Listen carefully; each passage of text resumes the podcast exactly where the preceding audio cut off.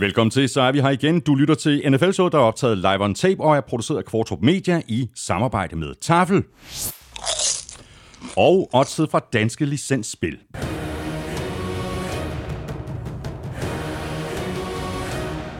Husk, at man skal være minimum 18 år og spille med omtanke. Har du brug for hjælp til spilafhængighed, så kontakt Spillemyndighedens hjælpelinje Stop Spillet eller udluk dig via Rufus. Regler og vilkår gælder. Og vi laver faktisk øh, to udsendelser i dag, øh, fordi øh, lidt senere, når vi har fået lidt frokost, så laver vi vores mid-season power ranking udsendelse, og den kan du lytte til fra i morgen onsdag hvor vi lægger den op. Så det her, det er altså den i øh, situationstegn normale udsendelse, hvor vi øh, går alle kampene fra uge 9 igennem. Vi runder også lidt nyheder, og derudover kan du som sædvanligt se frem til ugen spiller for Tafel. Det er quizzen fra Armstrong, Crazy Stats fra Willumsen, og selvfølgelig også øh, Odds-quizzen og Tips 12'eren. Du ved, hvor du finder os. Det er alle de sædvanlige steder, og derudover også på Danmarks største og bedste fodboldsite, gulklud.dk, og selvfølgelig også på nflshow.dk, hvor du jo oven i hatten har muligheden for at støtte os med et valgfrit beløb ved at trykke på linket til tier.dk øverst på siden. Det ligger lige ved siden af linket til shoppen, hvor du kan købe lidt af vores merchandise. Tak til alle, der har handlet, og tusind tak til de nu 668, der støtter os med et valgfrit beløb på tier.dk. Det er sådan et øh, frivilligt abonnement, der er med til at sikre, at vi kan blive ved med at lave NFL-showet. Så øh, tusind tak for støtten, tak fordi du er med os, tak fordi du downloader og lytter og bruger lidt af din tid sammen med os. Jeg hedder Thomas Kvartrup, og her kommer min medvært. Og Claus Elming, så er vi i, øh, i gang. Jamen, det ender jo med, at jeg lærer den her sang at kende jo. Ja, præcis. de er on a roll. Det er, det er jo helt vanvittigt. To sejre, hvad? Er det, er det to ud af tre, de har vundet nu? ja, det, det er fuldstændig crazy. Og så en, en dag, altså den her sejr er jo fuldstændig vanvittig, fordi det var imod øh, en af årets øh, helt store favoritter, Bills. Jacksonville Jaguars besejrer Buffalo Bills 9-6. Altså, hvad pokker skete der lige der? Men altså, any given Sunday, og det er det, der gør NFL så fedt. Ja, man fristes til at sige, hada for... Hada fuck. kan du ikke hive fat i uh, og se, om uh, vi får lyst til at udbryde hada fuck over det, som uh, der er blevet valgt til os? Ja, altså vi har en uh, klassisk uh, holiday lige her. Uh, og så kommer der en uh, karamelliseret rødløg. En af de nye uh, lækre. Helt, helt fantastiske. Det er virkelig god. Virkelig god. En af de nye favoritter. Helt sikkert. Og så er der lige en tredje pose nede. Nej, jamen det er også ved at være den tid på året. Julen nærmer sig. Vi skal ikke være sådan alt for tykke her i december, så derfor så linsechips, sour cream and onion. Det er ren sportschips.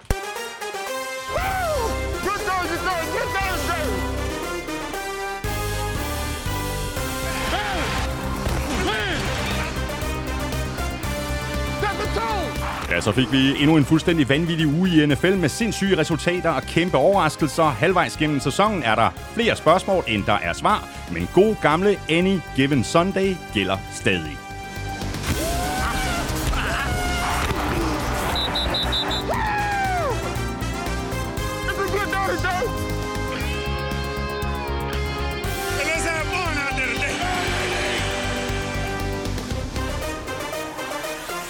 Broncos sagde farvel til Von Miller og smadrede Cowboys. Browns sagde farvel til Odell Beckham Jr. og fik en stor sejr over divisionsrivalerne fra Bengals. Det er så meget NFL, at det går ondt. Ingen er større end holdet. Jeg hedder Thomas Kortrup, og med mig har jeg Claus Elming.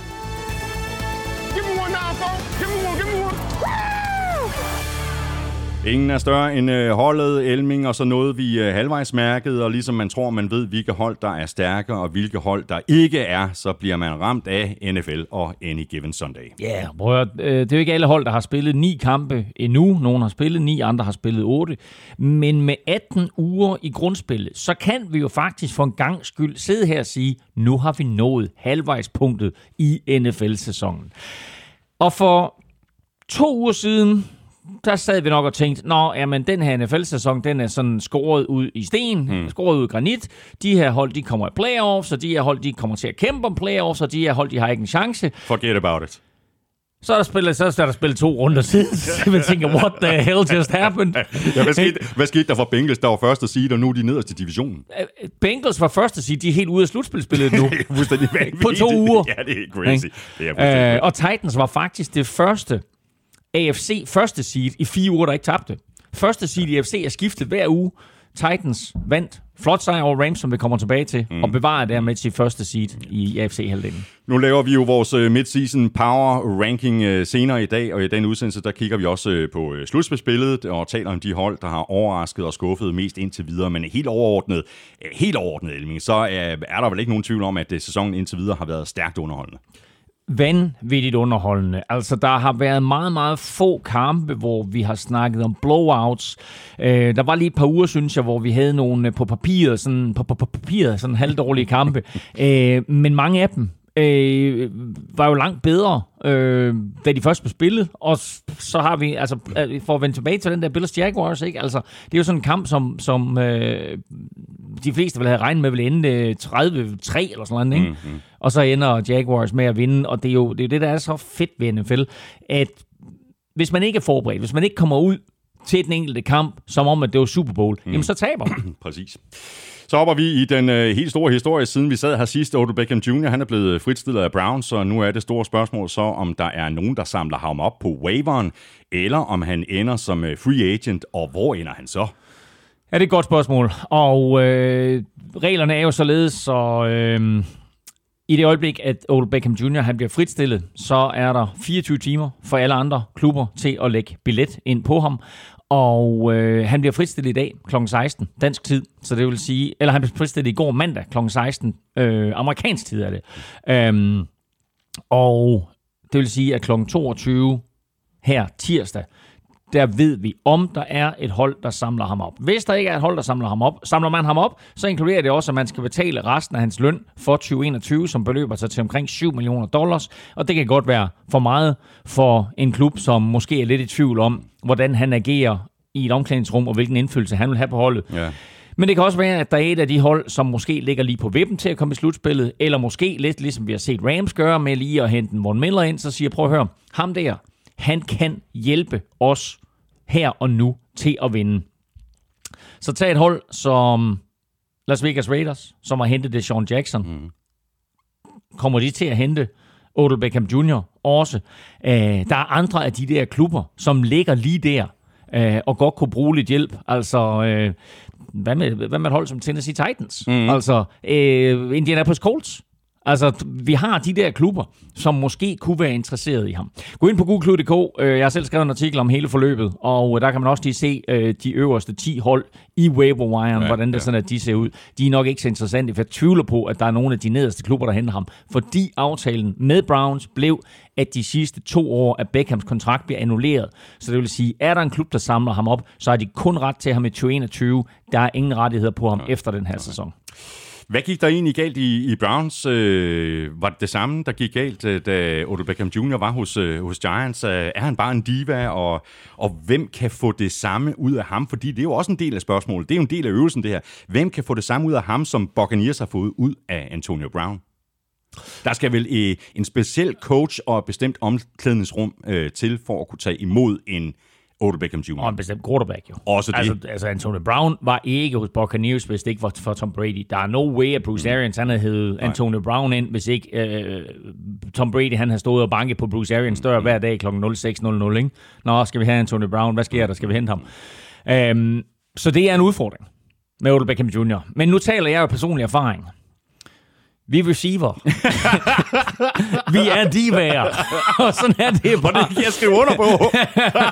øh, og øh, desværre så er han nok en af de større ja, af slagsen. Det er, det er. Øh, og øh, det var jo bemærkelsesværdigt, hvor lidt og hvor, hvor let øh, Giants egentlig var villige til at slippe ham dengang. Mm. Giants øh, fik et første runde pick, et tredje runde pick, og, øh, og så safety Jabril Peppers i den handel der for Odell Beckham Jr.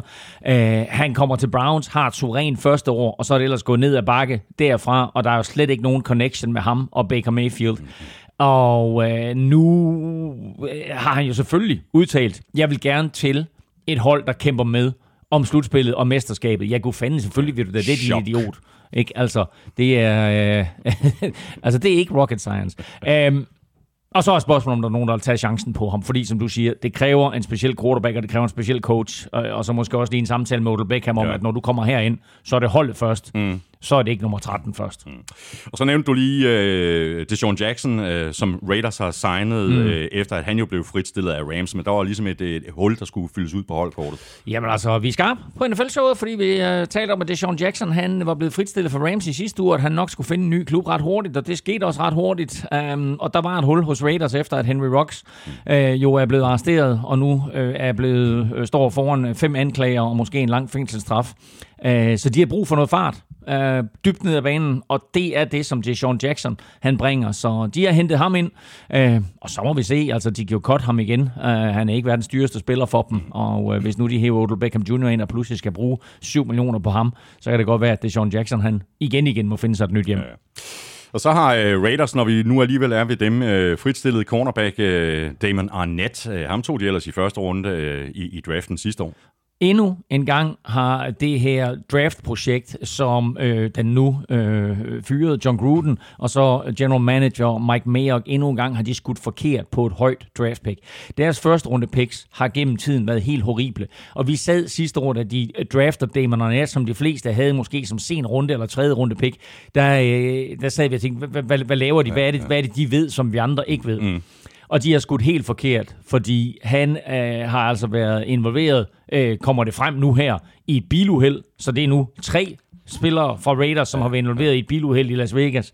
Øh, og derudover, så har han så her senest øh, optrådt i en eller anden video på nogle Zoom-kanaler, hvor han står og vifter med en pistol og truer en anden på livet. Og øh, så kom vi altså til det punkt, der hed enough is enough. Ja. Og så blev Damon Arnett fyret, og Mike Mayock var ude og sige, jeg er super skuffet, den her den hænger på mig. Vi har lavet alt vores øh, forarbejde på ham her, havde undersøgt øh, en, masse omkring ham, har haft samtaler med ham, men altså han har fejlet brutalt. Et er, at han fejler uden for banen, og at han slet ikke øh, kan indgå i sådan et fællesskab her. To er, at han slet ikke heller ikke på banen har levet op til det, som, øh, som øh, man kan sige berettigede Raiders til at draft ham med et første runde pick.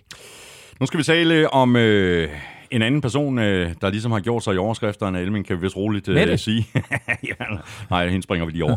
Okay. Øh, Aaron Rodgers og, og hele den corona-historie. Altså hold nu op en historie. Altså. Og de hænger der sammen med det, Aaron, gør de ikke det? Prøv Aaron Rodgers, øh, apropos diva, ikke? altså her der har du virkelig en diva, ikke? Altså som, som tror, at han ved mere end alle verdens forskere øh, gør til sammen. Han beslutter sig for, jamen jeg har mine egne produkter, det er sådan, at jeg forholder mig til, og jeg er immunificeret. Han har også sammensat sit eget medical team. Hvem der helt indpræ- øh, præcis indgår i det medical team, det vides ikke. Øh, alle hans argumenter og undskyld mig udtrykket. Og hvis du sidder derude nu og er anti så er det her det forkerte tidspunkt at lytte til NFL-showet. Fordi han er en fucking skov. Ikke?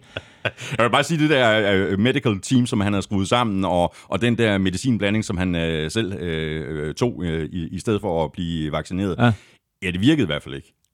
Det, det har det da ikke gjort. Uh, og han har forbrudt sig mod flere af NFL's regler, der er indsat for at begrænse udbredelsen af corona, og det betyder også, at han og måske Packers står over for en eller anden sanktion. Om det så er en bødestraf, om det er draft picks, der ryger, eller at Aaron Rodgers, han står over for en eller anden form for karantæne. Det må vi se, det kommer nok mm. ud i den her uge. Mm. Asger Jørgensen, en af vores øh, gode lyttere, skriver faktisk, uh, Rodgers immuniserer sig selv og bliver syg. Kan den her historie få klubberne til at kræve, at spillerne bliver vaccineret? Nu nævner du lige, at der, der kan komme konsekvenser i, mm. i Green Bay. Men hvad med NFL mere generelt, altså alle 32 hold? Altså NFL satte jo nogle regler ind, hvor de var meget, hvad skal vi sige, uspecif uspecifikke i formuleringen, men der mellem linjerne mm. lå nogle ting, som, som sagde til klubberne, hvis I har en spiller, som er corona-inficeret, og han smitter andre spillere, så I er ude af stand til at stille op til en given weekend, mm. så er det jeres problem. Ja. Ikke ligesom sidste år, hvor vi begynder at flytte rundt på kampprogrammet og så videre.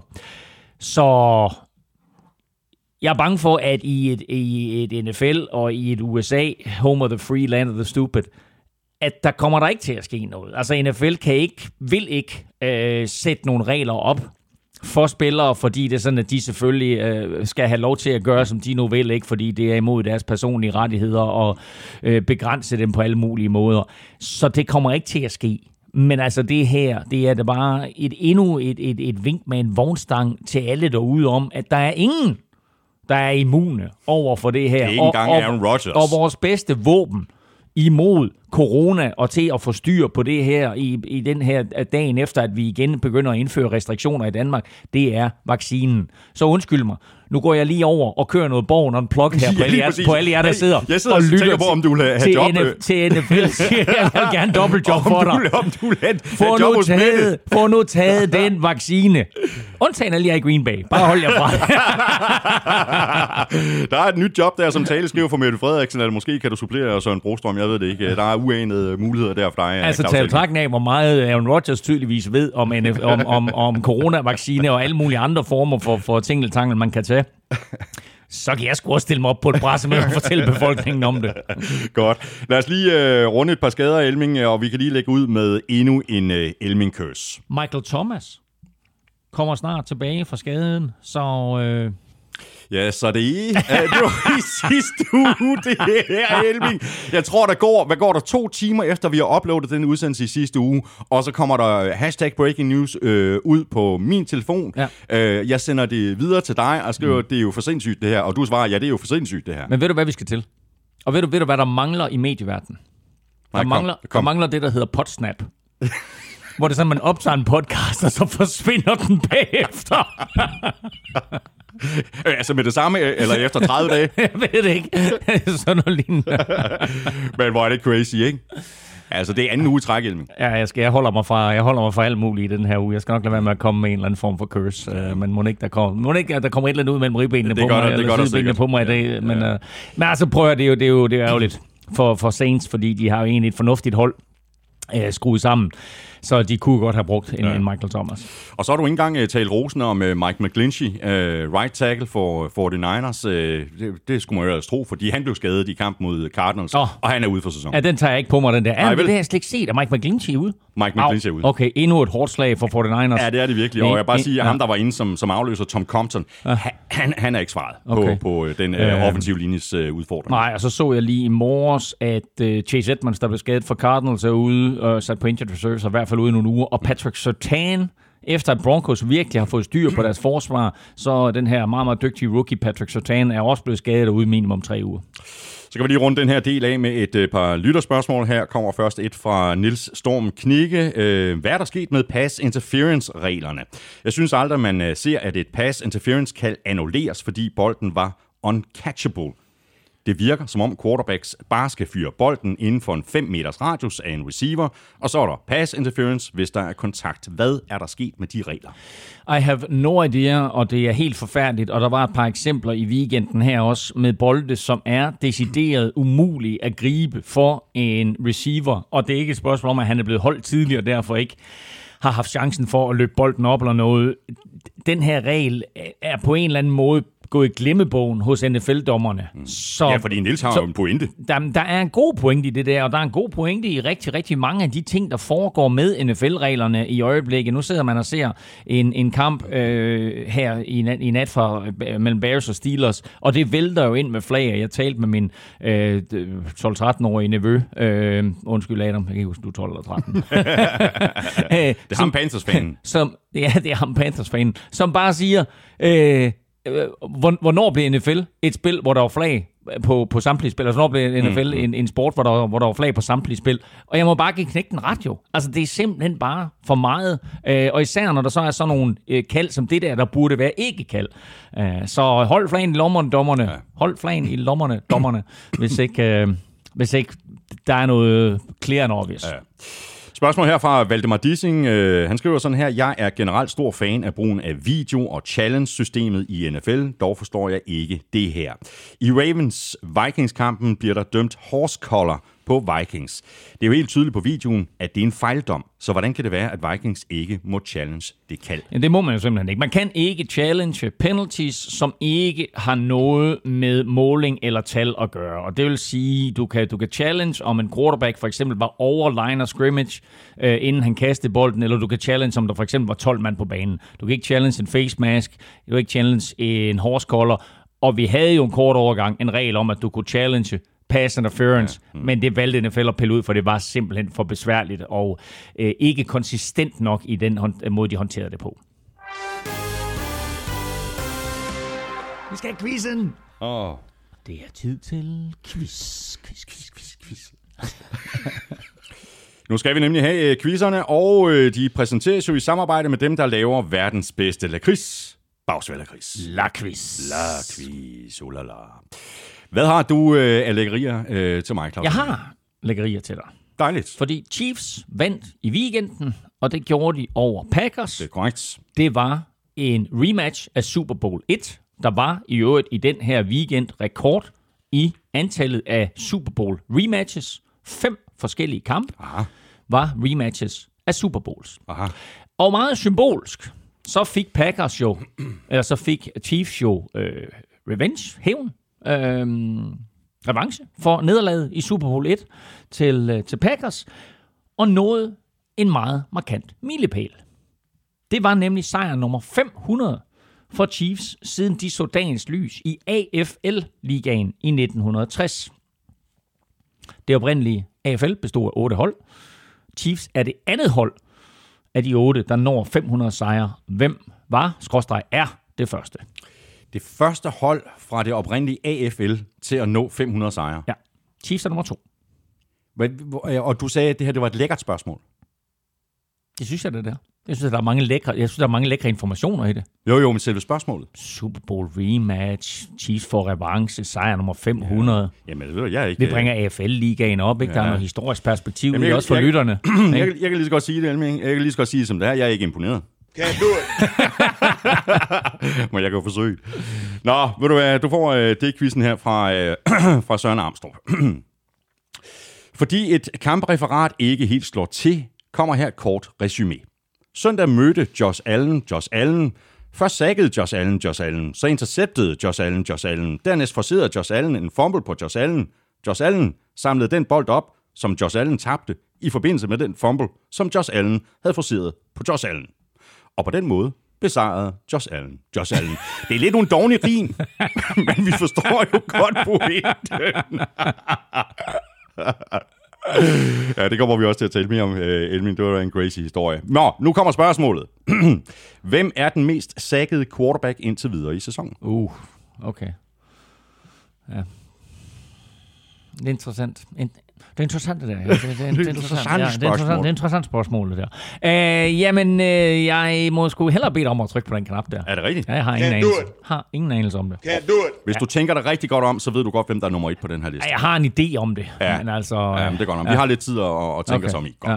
Nu hopper vi i kampen, og vi begynder med runden sidste kamp. Kampen fra i nat mellem Steelers og Bears. Bears de var nede i sækken i første halvleg, men øh, så så vi noget af det, som gjorde, at øh, Justin Fields blev taget øh, så højt i draften, og Bears kæmpede sig tilbage i fjerde quarter. Fed afslutning på runden, som sluttede med et øh, Steelers field goal og et øh, brændt Bears field goal, og så lykkedes det altså Steelers at holde Bears på afstand, og Steelers øh, vandt en super vigtig sejr hjemme med 29-27.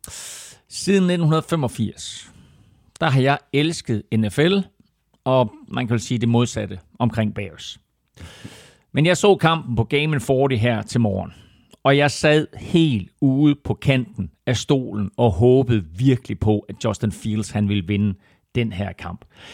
Desværre så afhang det af et meget langt Cairo Santos field goal, 65 yards for at være helt præcis, og den var altså, den ramte et eller andet sted midt i endzonen, så han havde ikke benet til det.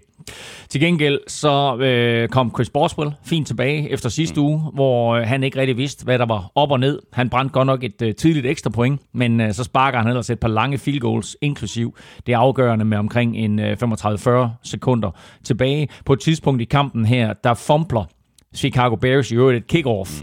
Mm. Øh, og bolden ryger mellem venner og fjender lige ind i armene på Chris Boswell. Og jeg er ret overbevist om, at han da den der bold kommer til ham, så tænker nej, nej, nej, jeg skal ikke have den der væk, væk, væk med den der. men, øh, men han, han, det gjorde han. Ja, ja, han, han recover den der form. Det var en kamp, der bølgede frem og tilbage, ja. og hvor øh, Bears jo også fik et øh, meget specielt touchdown Fordi normalt, når vi snakker om punt returns, så hvis en øh, returner han ikke griber den, så er det et muffed punt, og den type af fumble kan man ikke returnere. Men så snart du har kontrol over den, begynder at løbe, mm. og så fumbler, så er det en reel fumble. Og sådan en fik Bears altså fat i og, øh, og fik scoret på. Øh, og i det hele taget må jeg bare sige, anden halvleg af Justin Fields og company fremragende, ja. og vi så altså øh, fremtiden her for, for, for Bears. Han er virkelig god, Justin ja, Fields. det er han virkelig. Og hvad med øh, god gamle Big Ben? Har han øh, fundet sit øh, nye øh, yndlingsvåben, eller hvad? Ja, yeah, det vil jeg sige. Uh, altså, uh, rookie tight end Pat Fryermuth, han griber fem bolde, de to af dem for touchdown. Vi så den her connection i preseason. Og det har taget lidt tid for den at komme i gang, men altså nu med andre skader på tight end posten, så er Pat Fryermuth øh, nummer et tight end, og han har bare øh, taget den chance, og så øh, virkelig vist, at alt det, vi så der i preseason, at det kan han også levere i grundspillet, altså når det for alvor gælder. Big Ben finder ham. han kastede et touchdown til ham i sidste uge. Han kaster to touchdowns til ham i den her uge. Øh, og i det hele taget var Big Ben øh, meget effektiv i store dele af kampen, mm. men så gik Steelers kolde, og da de først gik kolde, og Bears forsvar øh, fik fat i Steelers, så blev den her kamp tæt, øh, og det var så frygtelig, frygtelig tæt på, ja, det at, det øh, at Steelers havde smidt en 14-0's føring, ja. og øh, havde tabt kampen, men altså nu trækker det det længste strå, hvilket er vigtigt i den der super, super tætte ja. øh, AFC North-division. Præcis, og øh, som du også siger, altså Bears havde jo øh, en sejr inden for rækkevidde. Der var så flere ting, der gik dem imod. Øh, først og fremmest det, man skal undgå, nemlig penalties, men så også måske et noget øh, tvivlsomt øh, taunting-kald. Altså dommerne var alt, alt, alt for meget i fokus i den her kamp.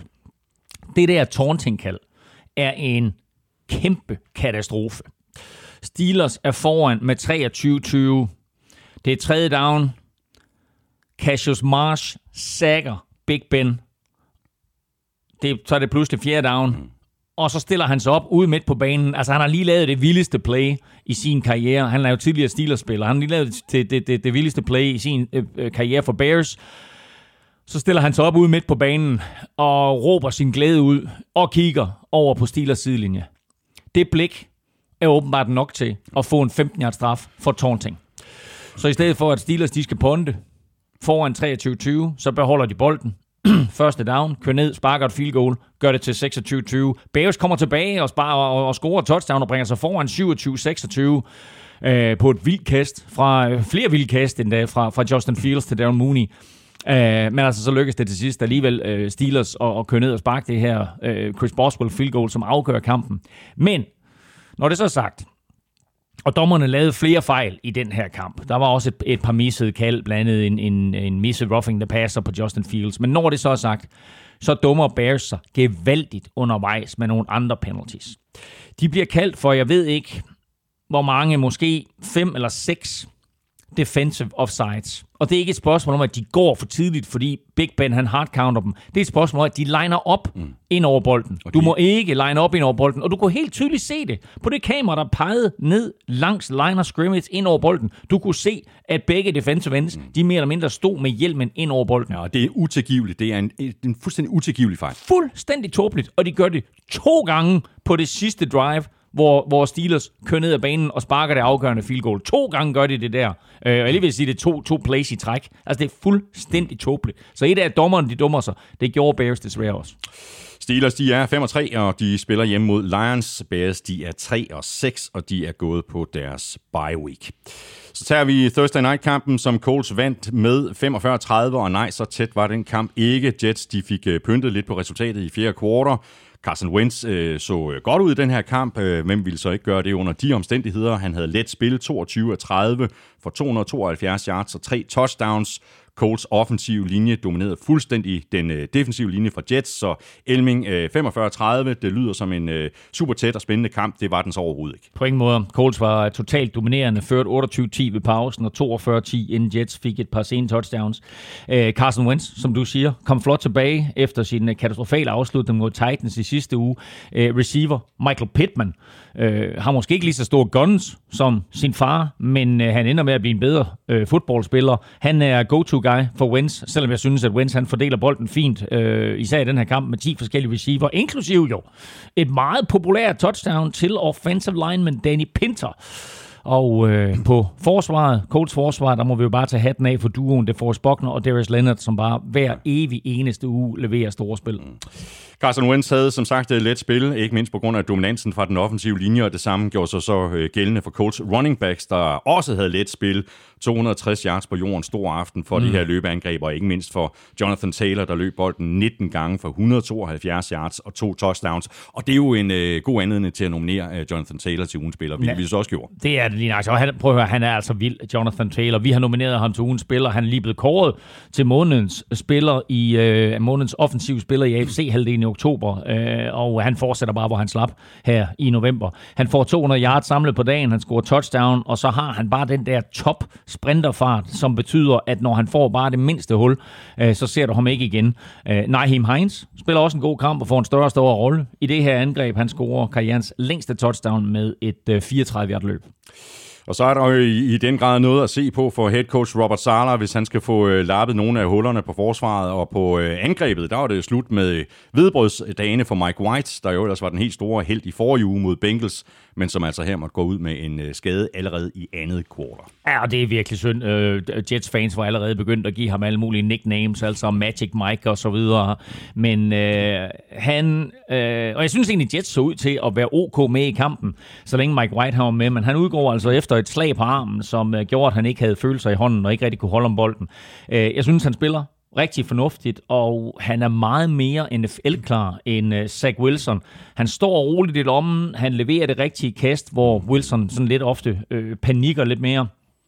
Uh, Mike White udgår, Josh Johnson kommer ind, og han så faktisk også OK ud, øh, selvom de fleste af hans yards og touchdown kom efter øh, kampen ligesom var afgjort. Rookie Elijah Moore, receiver, har fået lidt af et gennembrud her de seneste par uger, og han scorede to touchdowns i den her kamp.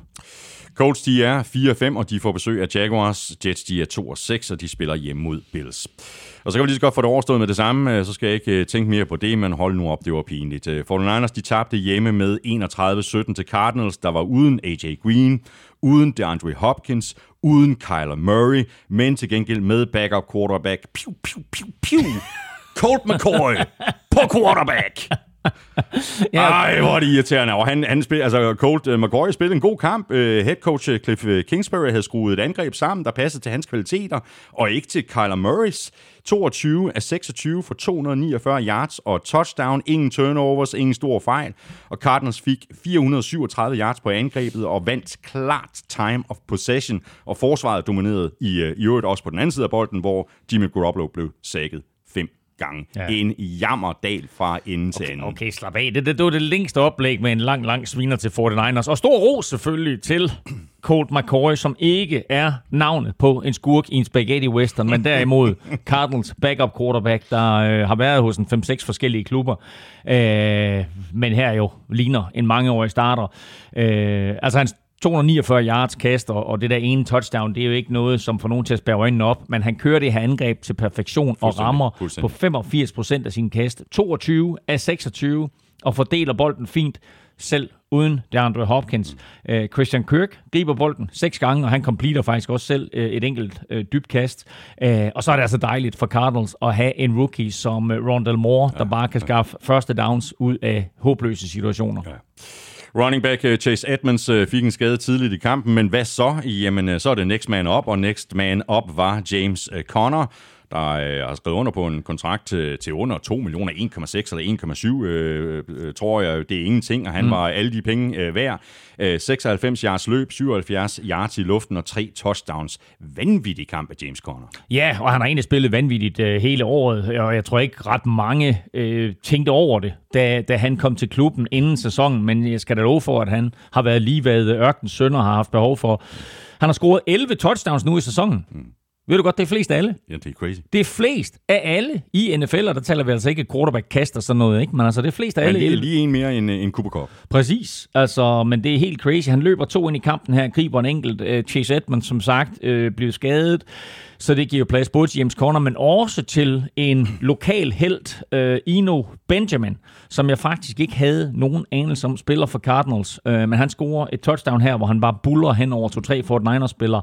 Han spillede jo for Arizona Arizona State University, i øvrigt sammen med Brandon Ayuk, så de stod jo på hver sin øh, banehalvdel i dag, eller hver sin sidelinje i, i, i søndags der. Øh, jeg så øh, Ino Benjamin, i den der kamp, jeg har talt om et par gange, hvor Brandon Ayuk også var med for Arizona State mod Oregon, og hvor jeg jo første gang så, hvor dygtig en quarterback Justin Herbert han er. det er jo et, øh, et super interessant øh, år at være fan af 49ers, fordi de øh, finder en ny måde at slå sig selv på hver uge, og, og, og hvis man gerne vil vinde kampe, så skal man lade være med at lave turnovers. Vi har talt om det masser af gange, og de lavede virkelig nogle dumme nogen af slagsen i den her øh, kamp. Turnovers will kill you. Og jeg nævner flink Brandon Ayuk Præcis. og George Kittle, der jo var tilbage, og som i øvrigt spillede en fin kamp lige på, på den, den der kæmpe brøler. Ja, men altså, apropos uh, Brandon Ayuk, så havde han jo faktisk også uh, sådan en op- og ned-kamp. Havde nogle fantastiske plays undervejs, men så fumbler han jo bolden på et tidspunkt, hvor han kaster sig, griber bolden til første down, tænker, nu skal jeg op og stå, Øh, det er dumt. Og i øvrigt et, et rigtig, rigtig flot catch. Vanvittigt flot catch. Ikke? Og så tænker han, nu skal jeg have mere ud af det mm. her, og så rejser han sig op, og så bliver bolden slået fri. Øh, og den får Cardinals fat i, og man kan jo sige det på en måde, han var ikke i kridthuset hos Kyle Shanahan i forvejen, så det her, det hjælper nok ikke på det. Øh, og så lidt ukarakteristisk, ukarakteristisk, som du også pointerer, så fumblede George Kittle, også efter et catch. Hvor han øh, også ville have flere yards. Ja, jo, men han griber trods alt bolden i løb, og får egentlig også gjort det rigtigt med at pakke bolden væk fra forsvaret. Det er altid vigtigt, at man pakker bolden væk fra forsvaret. Der kommer altså en bagfra, som han ikke har set, og slår bolden ud. Ja, så endnu, endnu et... Ja, og det er bare et stort spil af Cardinals forsvar, som helt klart går efter at lave de her turnovers så meget opportunistisk. Øh, skal vi kigge på den anden side af bolden, så må vi sige, så får den Niners forsvar, det er altså lidt af en skygge af sig selv, for det vi så for to år siden. Mm-hmm. Øh, og det er jo helt tydeligt, at de mangler flere af de der kræfter, som de på en eller anden måde troede, at de kunne erstatte. Det for de, eksempel DeForest Buckner. For eksempel DeForest Buckner, ja. men jeg synes også, at cornerback er en svag position for dem og så videre, så det, det halter lidt. Ja, det gør det. Og for den Niners, de har tabt alle deres hjemmekampe i år. Kyle Shanahan ligner en mand, der ikke aner sin levende råd, og de er altså nu 3 og 5, og de spiller hjemme mod brandvarme Rams, nogenlunde brandvarme Rams. Der ja, de, fik, også, de fik det også lidt på snorten, ja, ja, ikke? Præcis, men de spillede så også mod et rigtig godt hold. 3 og 5 er 49ers altså. Cardinals de er 8 og 1, og de får besøg af Panthers. Og Panthers øh, de havde jo øh, Christian McCaffrey tilbage, og med ham på banen, så er Panthers angrebet bare langt mere effektivt. I øh, teorien i hvert fald, fordi Panthers de tabte nemlig med 24-6 til Patriots, der har fundet ind i en rytme, og som nu har vundet deres seneste tre kampe i trækker. Man fristes næsten til at sige, at øh, hjemme godt, men ude bedst. ja, fordi øh, mens de jo har tabt fire af fem hjemmekampe i år, så kom Mac Jones faktisk i fint selskab, da han blev den blot tredje rookie quarterback i historien til at vinde sine første fire udekampe. De to andre hedder Dak Prescott og Big Ben, så øh, det er en lille eksklusiv klub. Æh, som du siger, Patriots har vundet tre i træk nu, fire ud af de sidste fem, Æh, og selvom sejren over Chargers i sidste uge selvfølgelig var imponerende, så synes jeg stadigvæk, at vi lige skal se dem bide skære med nogle af de allerstørste, før vi for alvor tror på dem. Men jeg tror faktisk, at der er mange i AFC, inklusive Buffalo Bills, der lige nu kigger sig lidt bekymret over skulderen ja. og tænker, hvad er det helt præcis, der sker i New England? Øhm, de sidste tre kampe her har de vundet med 105 mod 40 point. Mm, ja, præcis. Så altså, angrebet er ved at komme, og, og, og, og det skal lige siges her, at... Men det er jo ikke, fordi det er super flashy, Elming. Nej, det er bare effektivt, ikke? Ja, ja, men, men, men det er også typisk Patriots, at de uger, hvor de har behov for, at Mac Jones, ja. han er gunslinger, mm. så er det ham, mm. det hele hænger på. Den her kamp, der kan de løbe bolden ja. øh, og gøre det effektivt, og så lader de bare Øh, det er Montre Stevenson, som i øvrigt har sin bedste kamp øh, øh, i NFL-karriere, i sin korte NFL-karriere, øh, og flere. Bare løb bolden, og blive ved med at løbe bolden. Jeg tror, Daniel Jones kastede bolden 18 gange, eller noget i den retning, ja, jo, og, og, havde, og havde 12 completions. Mm. Øh, begge to career low for ham, men altså, det fungerede for dem, og det er det Patriots, de gør. Så det her, det begynder mere og mere at minde om det der, vi kender mm. Øh, fra, øh, fra, fra Patriots gennem mange, mange år efterhånden. Og det var så øh, angrebet på forsvaret. Der spillede øh, JC Jackson en, øh, en rigtig god kamp også, og ham kunne vi måske også godt have nomineret til ugens spiller. Ja, det kunne vi sådan set godt. Han er jo lidt den seneste af de her uh, Bill Belichick-opfindelser. Uh, undrafted i 2018 har tilkæmpet sig en fast plads på holdet og spiller på et meget højt niveau uge efter uge. Uh, som han sagde efter kampen, it's what I do. Ja. Uh, lidt samme historie jo som Malcolm Butler, men uh, J.C. Jackson virker til at have en lidt større stjerne hos, uh, hos Belichick. Uh, og måske nok især efter den her kamp, hvor han både forhindrer et touchdown med en interception, og selv scorer touchdown på en uh, interception. Uh, pick 6 på 88 yards. hvor han jo lige nøjagtigt har øh, nok i tanken til at kunne holde øh, Robbie Anderson væk. Øh, rookie defensive lineman Christian Barmore vil også lige fremhæve, han er et monster, øh, og han havde altså en fest imod Panthers øh, ramponerede offensiv linje. Øh, Panthers mister i øvrigt Matt Paradise til, øh, til skade, han er ude for året, centeren der, så det, er, det er et hårdt slag ja, for dem. Ja, det er det. Og øh, Sam Darnold, han virker ikke rigtig til at synes, at det er specielt fedt at spille mod øh, Bill Belichick. Øh, 16 af 33 for 172 yards og tre interceptions. Not good, Bob. Nej, øh, og øh, jeg ved ikke, om han så spøgelser i den her kamp, men øh, nu har han spillet mod Bill Belichick fire gange, og naturligvis fristes man til at sige tabt alle fire. Efter kampen, der lagde Julian Edelman et tweet op, hvor han ikke skrev noget, bare tre prikker, og så sådan en video for Scooby-Doo med et spøgelse. det er pisset. Ja, det er virkelig pisset. Nå, men Donald han kastede tre interceptions her i kampen. Øh, den ene faktisk mere horribel end den anden. Øh, og der var faktisk også undervejs en ret ophedet debat mellem øh, Donald og flere holdkammerater på sidelinjen. Han har altid haft det svært imod Patriots, og selvom Christian McCaffrey tilbage, så kunne Donald altså kun mønstre øh, to field goals, selvom han fik bolden foræret i Patriots territoriet to gange. Mm. Så øh, alt i alt en skidt dag for ham. Ja. Panthers, de er 4-5, og de spiller ude mod Cardinals. Patriots, de er 5-4, og de spiller hjemme mod Browns.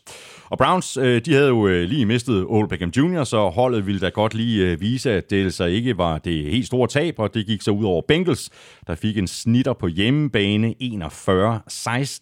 Og vi havde begge to taget Bengals i picks. Der var så ikke rigtig nogen diskussion i den her kamp. Browns var det bedste hold. Overraskende stor sejr godt nok, og mm. de så faktisk bedre ud øh, uden Ole Beckham Jr., øh, eller er det bare mig? Ja, skal vi være overrasket? Vi så det jo sidste år også. Øh, ja, da Ole Beckham han bliver skadet, ikke? nu ser vi det igen. Øh, det er ligesom om, at Baker Mayfield han bare fungerer bedre uden Odell Beckham Jr.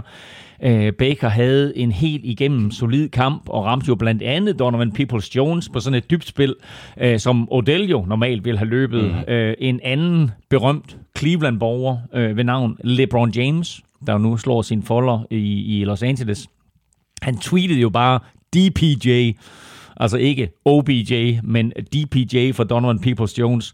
Øh, det kunne jo godt gå hen sådan og trende en lille, smule, mm. selvom, selvom jeg vil sige, navnet Donovan Peoples-Jones øh, selv er, er, er et ret fedt navn.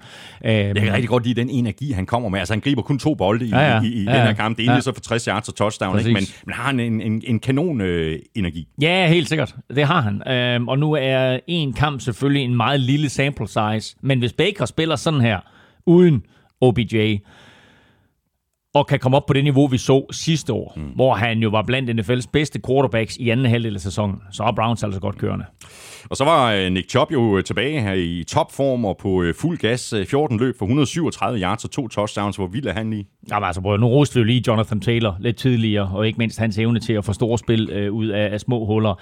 Nick Chubb har et vildt touchdown i den her kamp, hvor hans acceleration bare imponerede mig. Øh, og normalt så taler vi om acceleration fra, sådan fra 0 til topfart, eller når du sådan står i et hul og, og lige venter lidt, og så eksploderer. Men her, der vil jeg sige, der er det næsten fra topfart til overmenneskelig fart. Mm. Jeg ved ikke, om du så plæde, men han kommer jo ned i ret høj fart mod en corner og en safety. Og de to, de tager jo den vinkel, som nu passer til at få ham taklet. Og så sætter han den i racergear. Altså, det der, det så så vildt ud. Øh, den måde, han kunne accelerere der, og bare sætte de der to. Øh, altså, han er overraskende hurtig øh, for, for den der størrelse der. Og som der var en kommentator, der sagde, han ser ikke særlig hurtigt ud, før han løber forbi dig. Ja, det er det. ja. Og jeg ved godt, vi talte om det indledningsvis, Elming, men alligevel jeg godt lige gentage det, fordi altså for to uger siden, der var Bengals første seed i AFC. Ja. Det brugte vi en del tid på at tale om. Måske er det curse her fra, fra NFL show. Det var dig, det var dig, du sagde, at det for real.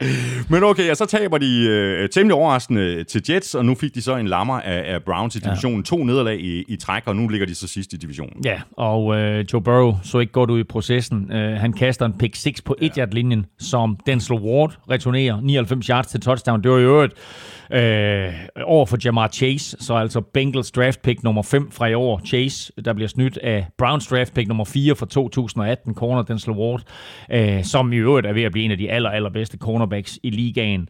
Uh, lidt senere i første halvleg, der fumbler Chase også, som øh, fører til Browns field goal, så ikke en specielt god kamp for rookien, og som om det ikke var nok, så bliver Burrow jo faktisk interceptet en gang mere på et kast i retning af Jamar Chase. Mm. Så nok er, er rookien god, og nok har de sådan en eller anden form for telepatisk connection, men Burrow skal kigge i andres retning også.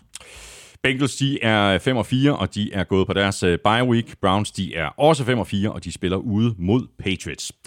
Og øh, et af de hold, øh, der skulle have udfordret Patriots i AFC East i år, det er jo Dolphins, øh, der ikke ligefrem har haft den sæson, som Brian Flores og company drømte om, og sikkert også havde forventet.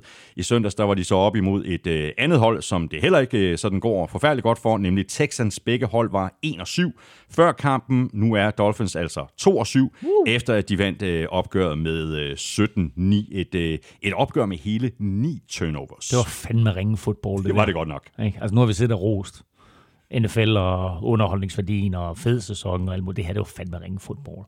Altså, du kan kalde det det Sean Watson Bowl, eller du kan kalde det Toilet Bowl. Uh, begge vandt i U1 og havde ikke vundet siden. Det er blot det andet møde i NFL's historie mellem 2, 1 og 7 hold.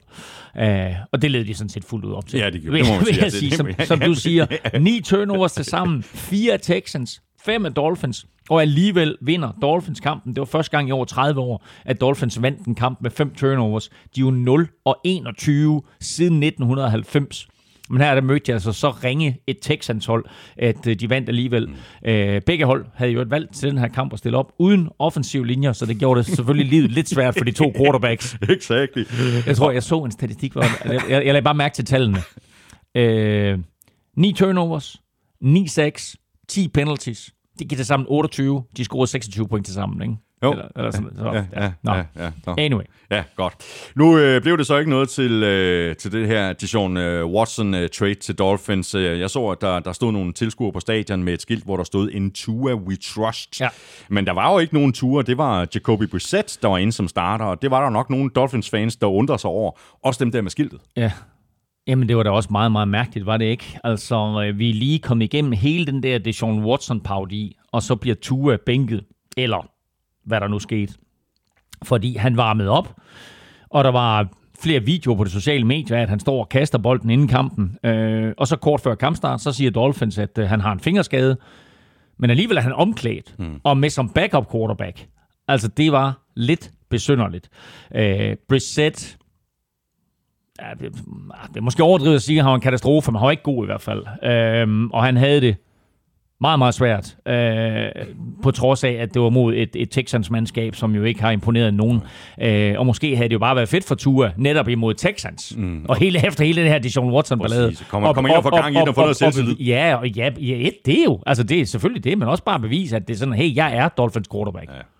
På den anden side af bolden, øh, Tyra Taylor, han var jo tilbage på quarterback i stedet for Davis Mills øh, for første gang siden, hvad var det, uge 2. Øh, det blev det så ikke øh, meget bedre af. Øh, 24 af 43 for 240 yards og tre interceptions. Ja, og de der interceptions, den ene var mere forfærdelig end den anden. En i endzone på allerførste drive, så en lidt senere, der blev battet, som ikke rigtig var hans skyld, og så en helt vanvittig på sidelinjen, hvor han jo forsøger at kaste bolden væk, men kaster den inden for sidelinjen, og lige armene på en Dolphins forsvarsspiller. Helt tåbeligt. Øh, nu har Texans ikke scoret et touchdown på udebane i fire kampe i træk, for at være helt præcis. 251 minutter uden et offensivt touchdown eller touchdown på udebane. Øh, de har tabt 8 i træk, men jeg garanterer dig, at de taber ikke på søndag. Nej, fordi der er de på bye week. Det er rigtigt. Spørgsmålet er fra Anders Erbo Hansen. Er Kaimi Fairbairn den bedste fodboldspiller hos Texans? Han er i hvert fald øh, den med, med, med, med det vildeste navn. Uh, altså, der er, ikke, der er ikke mange gode fodboldspillere på Texans, og de, de hæver jo en masse spillere ind uh, i free agency uh, og så er videre. nok lige lov for. Som, uh, som vi tænker, men det kan da godt gå hen og blive sjovt, men altså, man må bare sige, at der er en grund til, at alle de her spillere, de er free agents.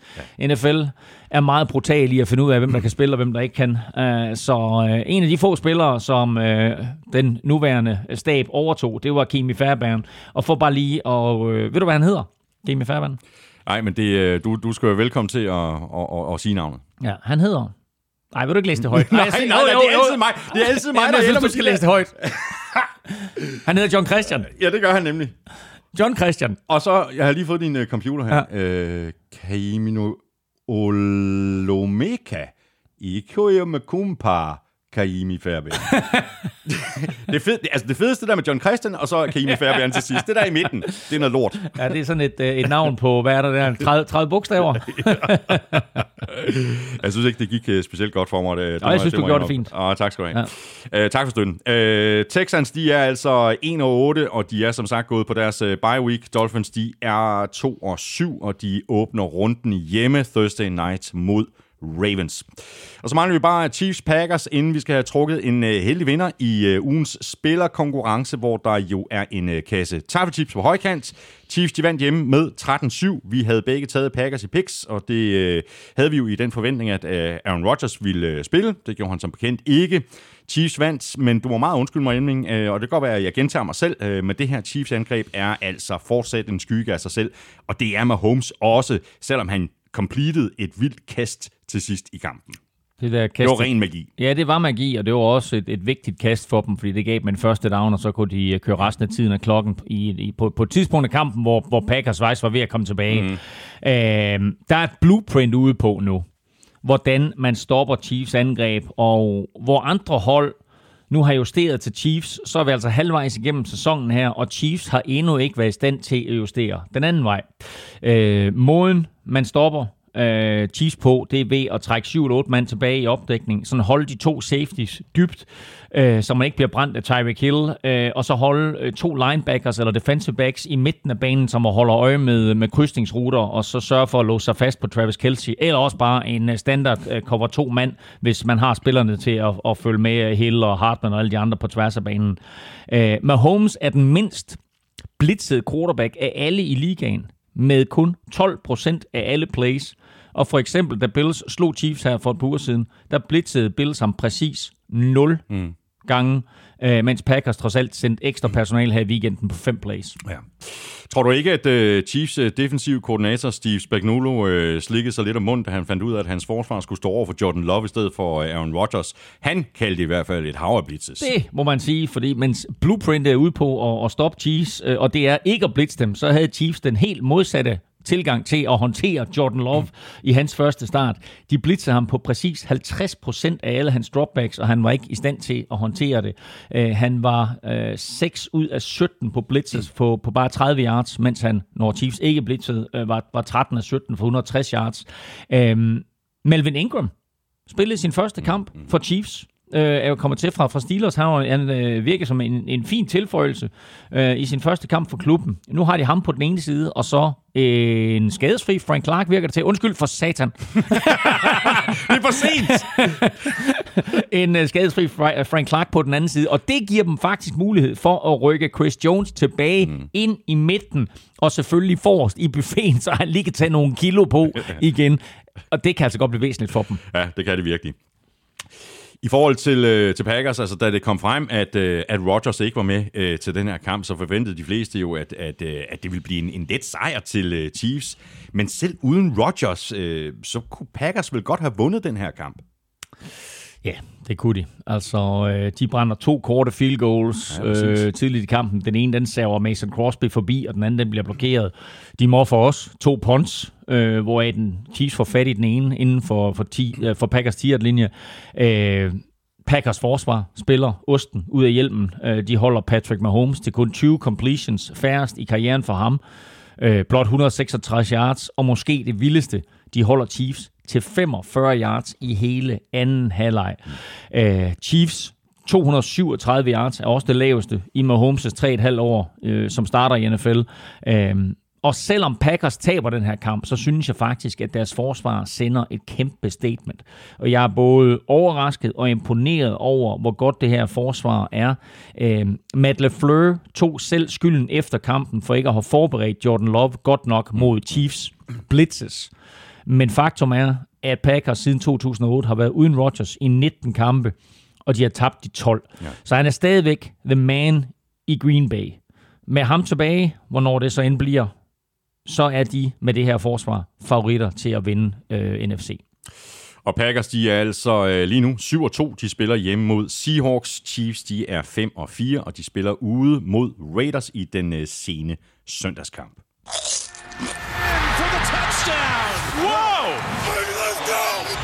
Ugen spiller præsenteres af Tafel.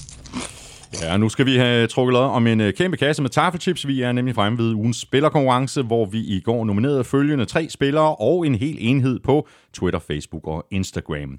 Josh Allen, altså ikke den Josh Allen, ham den anden, så nominerede vi også Jonathan Taylor, og James Conner og Titans defense.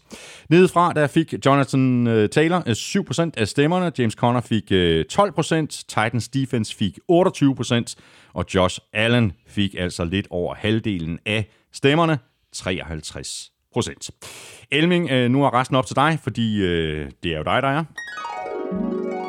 Lykkens skud ind. Jeg kan godt forstå, at Josh Allen han får alle de stemmer der, men uh, det er svært at være running back i NFL-showet, var? Altså, ja, det er det godt nok. Jonathan det er Taylor og James Conner der, ikke? Uh, må dele sidste plads. Men det var også en fornem indsats af, af Titans forsvar. Kommer vi tilbage til lidt senere. Jeg trækker et navn her, og der står kunne hjælpe med Jonathan Taylor. Stærkt, Kæft, hvor er det godt trukket, det der. Nå, vi skal et spørgsmål. 7 procent af stemmerne. Ja, og så er det Jonathan det, Taylor, du det trækker op. Det, det, det er stærkt. Vi skal smutte til Odense M. Og det er Lars Terkelsen. Jeg får sådan her. Stort tillykke øh, med det. Lars Terkelsen, jeg sender dit navn og adresse videre til Tafel, og så kan du allerede nu godt glæde dig til at modtage den her kæmpe kasse med taffelchips med øh, posten. Vi gør det igen i næste uge. Elming og jeg nominerer tre eller måske fire spillere, eller måske en hel enhed, og det gør vi mandag formiddag på Facebook, Twitter og Instagram. Og når vi har gjort det, jamen så er det bare om at sende dit bud ind på mailsnablag.nflshow.dk, og det gør du ved at skrive dit bud i emnefeltet, og i selve mailen skriver du dit navn og adresse. Og så er vi øh, tilbage i kampene, og det er vi med Giants sejr på 23-16 over Raiders. Øh, det var en tæt kamp, øh, der blev afgjort til allersidst, og endnu en gang der spillede turnovers en afgørende rolle. 6. runde rookie Quincy Roche strip Derek Carr, og den sidste af Xavier McKinnis øh, to interceptions øh, lukkede kampen. Øh, ja, det var faktisk den der fumble der, som du siger. Det er rigtigt, det var faktisk omvendt. Ja, som, som lukkede kampen med, øh, med lige under 40 sekunder igen. Men altså, Xavier McKinney, stor kamp af ham. Uh, hans to interceptions, inklusiv jo hans pick 6 i første halvleg, blev meget afgørende. Giants, øh, de har stadigvæk øh, udfordringer på angrebet. Forsvaret ser ud til at være på øh, plads. Det her det var tredje kamp i træk, hvor forsvaret ikke har tilladt mere end 20 point. Og det var jo en vigtig grund til, at, at Giants vandt. De tvang Raiders til at score field goals i stedet for touchdowns. Raiders de var i red zone seks gange og kom kun derfra med touchdown en enkelt gang. Ja, og der skal de selvfølgelig være mere effektive, hvis, hvis de skal vinde. Uh, men altså, Giants mangler jo en, en strip street playmakers på, på angrebet. Hverken Saquon Barkley eller over stor free agent Kenny Golladay var med. Øh, Daniel Jones laver sin efterhånden klassiske fumble, men øh, forsvaret reddede ham. Øh, og så var kicker Graham Gano jo bare øh, skarp igen med, med tre field goals. Giants de fik jo en, en skidt start øh, på sæsonen. Øh, nu virker det så til at have fundet melodien, og den her sejr, det er vel noget, der kan bygges videre på. Helt sikkert. Altså, det var en stor sejr øh, over et Raiders-mandskab, der kom ind med, med masser af selvtillid, øh, øh, lige havde siddet over, og jo stadigvæk var ubesejret øh, under den nye head coach, øh, Rich Bisaccia.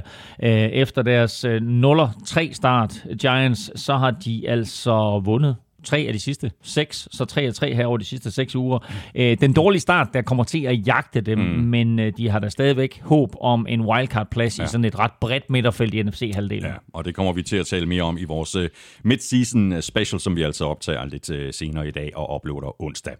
Raiders angreb producerede jo egentlig okay, altså de kom over 400 yards. Uh, det virkede aldrig rigtigt til sådan, at de kom ind i, i en rytme på angrebet. Derek Carr, han completed 30 af 46 for 296 yards og touchdown touchdown, men kastede så altså to interceptions, og så missede han også nogle øh, forholdsvis øh, nemme kast. Han lignede ikke umiddelbart den Derek Carr, vi har set den seneste måned. Nej, og de der to interceptions, det var begge på outs, øh, og der skal man altså bare levere med præcision og kraft, øh, og begge bolde hang sådan lidt længe i luften, og så sagde Xavier McKinney jo tak for det, først i venstre side, og så i højre side. Øh, Raiders angreb, savnet i det hele taget Henry Rocks til at løbe sine dybe ruter. Øhm, og angrebet havde i snit, og det er altså ret voldsomt, de havde i snit 3 yards mindre per grebet bold end gennemsnittet for året. Øh, og det er jo nok derfor også, at de hentede det Sean Jackson. Ja.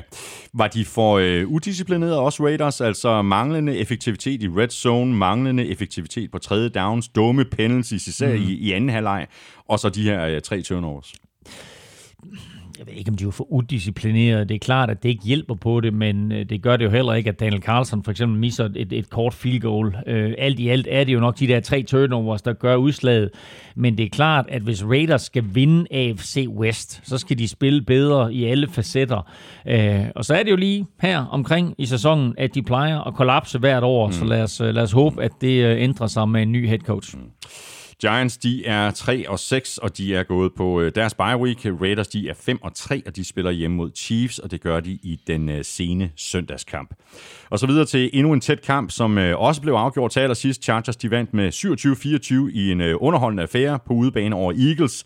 Det holdt langt hårdere, end jeg i hvert fald havde regnet med på forhånd. Justin Herbert spillede en, en super kamp. Godt at se ham producere igen, efter at have været sådan lidt nede i en, i en bølgedal. Øh, 32 af 38 for 356 yards mod øh, et af de bedste forsvar i ligaen, i hvert fald på, på, på, på, på, på papiret. Nej, det er i hvert fald på papiret, fordi øh, de har tilladt 12. flest point, og ligger sådan midt i feltet, øh, hvad angår yards tilladt.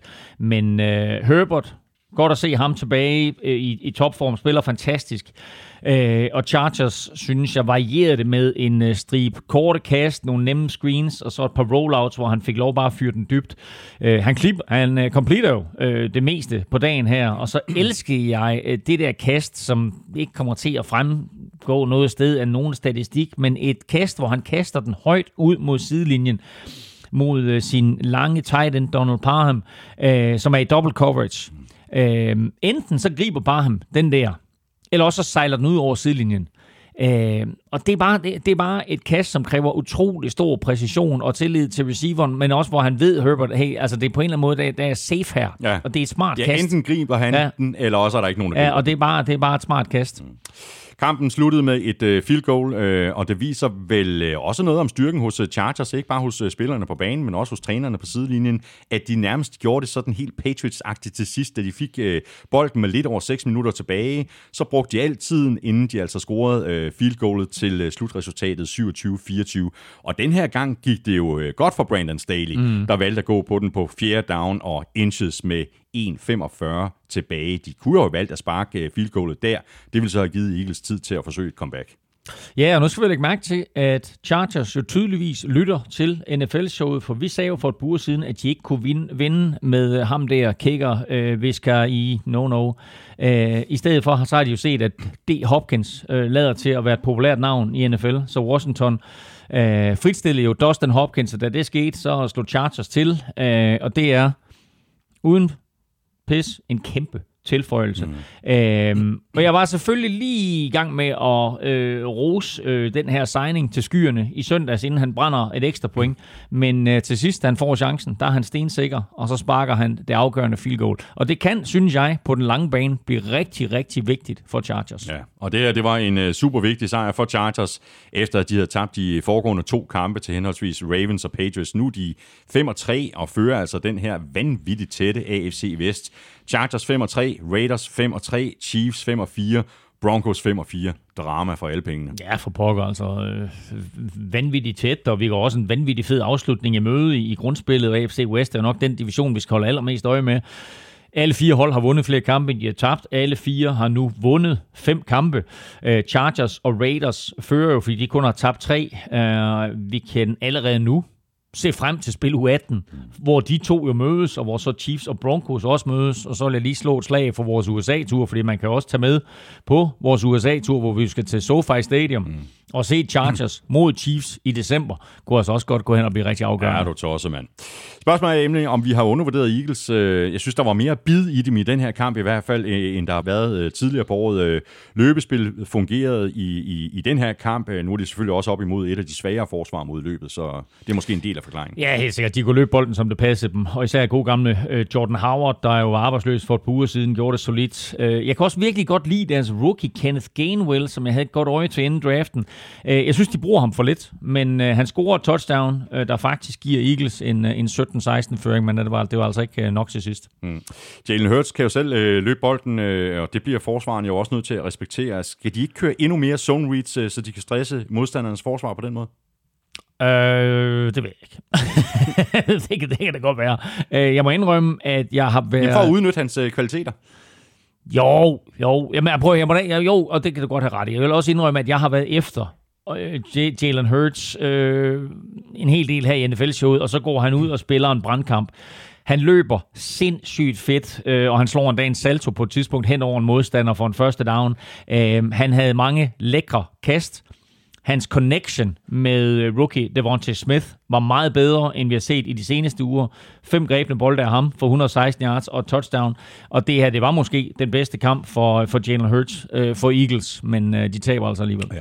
Og Eagles, de er nu 3 og 6, og de skal et smut øh, til Mile High og spille mod Broncos. Chargers, de er 5 og 3, og de får besøg af Vikings. Og så har vi øh, divisionsopgøret mellem Saints og Falcons, og det er altså to hold, som jeg har meget vanskeligt ved at ramme i picks. Øh, det må jeg bare erkende. Og det var også en øh, super tæt kamp, eller det blev det, fordi Saints de var nede med 24-6 i fjerde kvartal, kom så tilbage og bragte sig foran med 25-24 så var Matt Ryan pludselig Matty Ice igen, og han fandt et af sine absolute yndlingsmål i Cordero Patterson for 64 yards, og så kort field goal og en sejr i sidste sekund på 27-25. Wow. Ja. Wow, wow, wow. Og de her to, de spiller bare så mange fede kampe mod hinanden. Øh, Saints havde scoret to field goals i de første 52 minutter. Og så tog fanden ellers ved Trevor Simeon. Øh, og så scorede de tre touchdowns på de næste syv minutter. Øh, og så var de pludselig foran. Men, øh, og her er lige det klassisk brok fra min side, inden vi kommer videre. Fordi de scorer tre touchdowns de brænder to two-point conversions. Mm. Hvis de sparker ekstra point på dem begge, så er de foran med tre, og så kan Falcons altså kun udligne med et field goal. Nu bliver det i stedet for en game winner af din søster, Young Ho Ku. Young Ho Ku. Matt Ryan han completed øh, 23-30 for 343 yards og to touchdowns, ingen interceptions, øh, og det var en øh, helt anden Matt Ryan end i forrige uge, hvor han øh, spillede øh, ja, øh, bundjammerligt øh, mod Ja, det er Panthers. Øh, men måske var der simpelthen bare bedre tid til at forberede en, en gameplan øh, for Falcons den her gang uden øh, Calvin Ridley. Ja, altså han trak sig jo meget, meget sent i processen i sidste uge, så det, det kom selvfølgelig som lidt af en overraskelse, men man kan også se den ene stød, den andens brød. Øh, I London så vi Kyle Pitts få sit store gennembrud, da Calvin Ridley valgte ikke at tage med der, og i søndags der var det så øh, receiver Olamide Zacchaeus, øh, som griber tre bolde, men de to af dem er for touchdown. Øh, Ryans stats kunne i øvrigt have været endnu bedre, og måske endda over 400 yards, hvis ikke selv samme øh, Pitts havde tabt en, øh, en dyb bold på den allerførste angrebsserie. Og så ved jeg godt, vi har talt om ham øh, tidligere, Cordero Patterson. Øh, her spiller han jo endnu en gang en nøglerolle på øh, Falcons angrebet. Han griber den lange, mm. 64 yarder, og han går fra kampen med seks grebne bolde for 126 yards. Han har jo altid været en playmaker, mm. men der er vel ingen, der har fået så meget ud af ham før Falcons i år. Nej, altså, og jeg ved godt, vi har talt om ham før, men altså, vi bliver nødt til at tale om for ham, fordi han er for vild. Det var han faktisk også i sin første sæson for Vikings, hvor han også blev brugt som alt muligt mand, men øh, så blev han sådan stille og roligt degraderet, øh, og blev, blev, blev mere eller mindre bare øh, special teamspiller, hvor han nu end har været. Mm. Men jeg skal da love for, at Falcons Arthur, Arthur Smith øh, har formået at gøre ham til et alsidigt våben igen.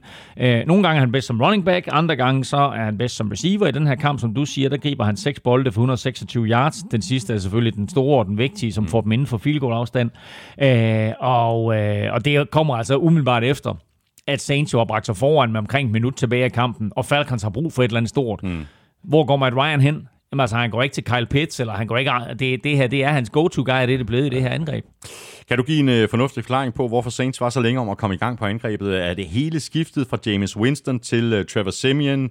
Øh, og hvordan øh, kommer Saints videre herfra? Altså nu definitivt uden Michael Thomas. Ja, som du jo øh, har øh, bevist over for vores lyttere, så nåede jeg jo lige at sige, at nu kommer Michael Thomas tilbage, inden han så selv tweetede, at hans sæson øh, var forbi. Øh, og ja, jeg kan egentlig godt komme med en fornuftig forklaring, og jeg må indrømme, at jeg er lidt ærgerlig over, at jeg var sådan en tøs i sidste uge, og ikke to Falcons i picks. Fordi Trevor Simeon er ikke NFL-starter. Det ved vi jo efterhånden, efter alle de år, han har haft i ligaen. Øh, men det skal han være nu for, for Saints. Øh, han var vild, altså og hatten af for ham. Øh, han var vild i de sidste 8 minutter der, men øh, derudover så var der jo slet ingen rytme på, på mange af Saints angrebsserier. Og Saints, de er 5-3, De spiller ude mod Titans. Falcons, de er 4-4, og de spiller ude mod Cowboys. Og nu er vi så nået frem til ugens helt store overraskelse, og overraskelse er i virkeligheden en øh, underdrivelse, fordi det var vel nærmest et øh, regulært chok, at Jaguars de slog en af sæsonens helt store favoritter, Bills, i en kamp uden et eneste touchdown, hverken offensivt eller defensivt. Fem field goals og sæsonens største overraskelse indtil videre uden diskussion.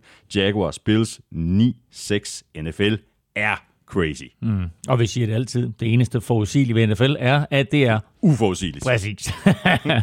og det her var jo en overraskelse af nærmest apokalyptiske dimensioner. NFL's mest scorende angreb mod NFL's ringeste forsvar.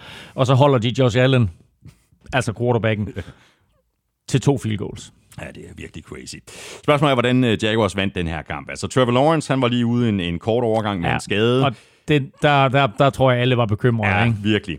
Så kom han så ind igen. Men uh, kicker Matthew Wright, han missede tre field goals på den samme down.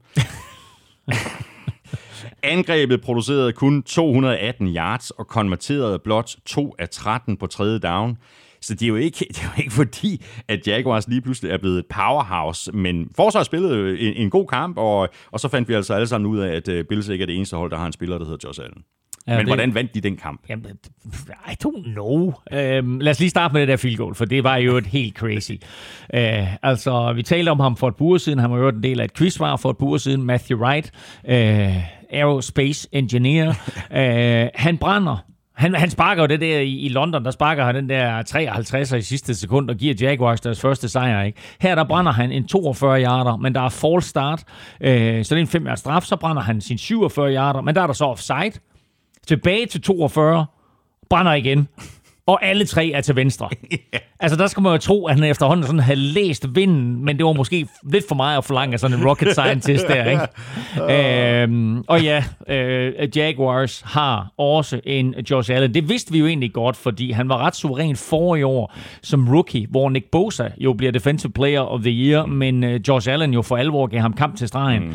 Så ryger han jo lidt under radaren sidste år, fordi han spiller for, for Jaguars, men øh, her der benyttede han altså den største scene øh, og en navnebror til at slå sit eget navn fast øh, som Josh Allen, og ikke bare The Other øh, Josh Allen. Et sack, det var forventeligt. En fumble recovery, ok, det var måske også flot og til dels forventeligt. Men en interception, mm.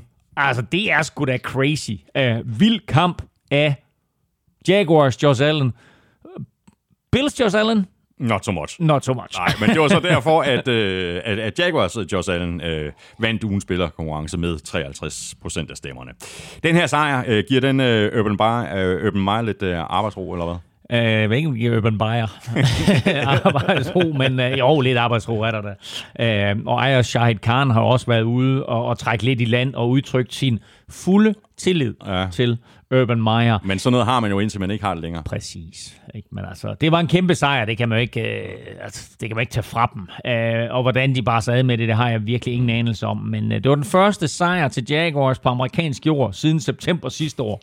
og den første kamp, hvor de ikke tillod mindst 20 point i tre år. Ja.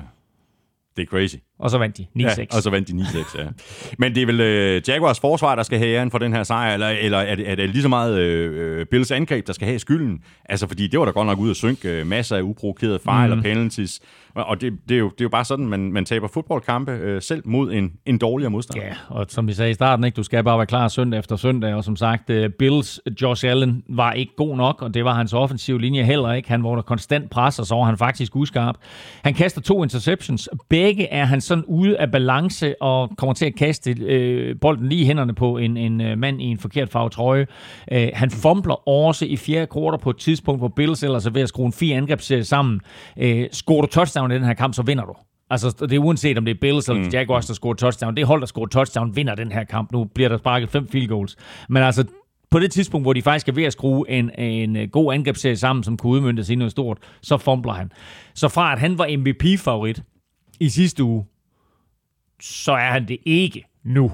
Nej, altså, nej. Og det synes jeg er et helt åbent spørgsmål. Hvem er lige nu NFL's MVP? Jeg synes ja. ikke, der er nogen, der sådan for alvor skiller sig ud. Nej, øh, det er der faktisk ikke. Og, spørgsmålet er, øh, hvor det her nederlag stiller Bills. Øh, er, er, er Bills stadig holdet, man skal slå i, i AFC?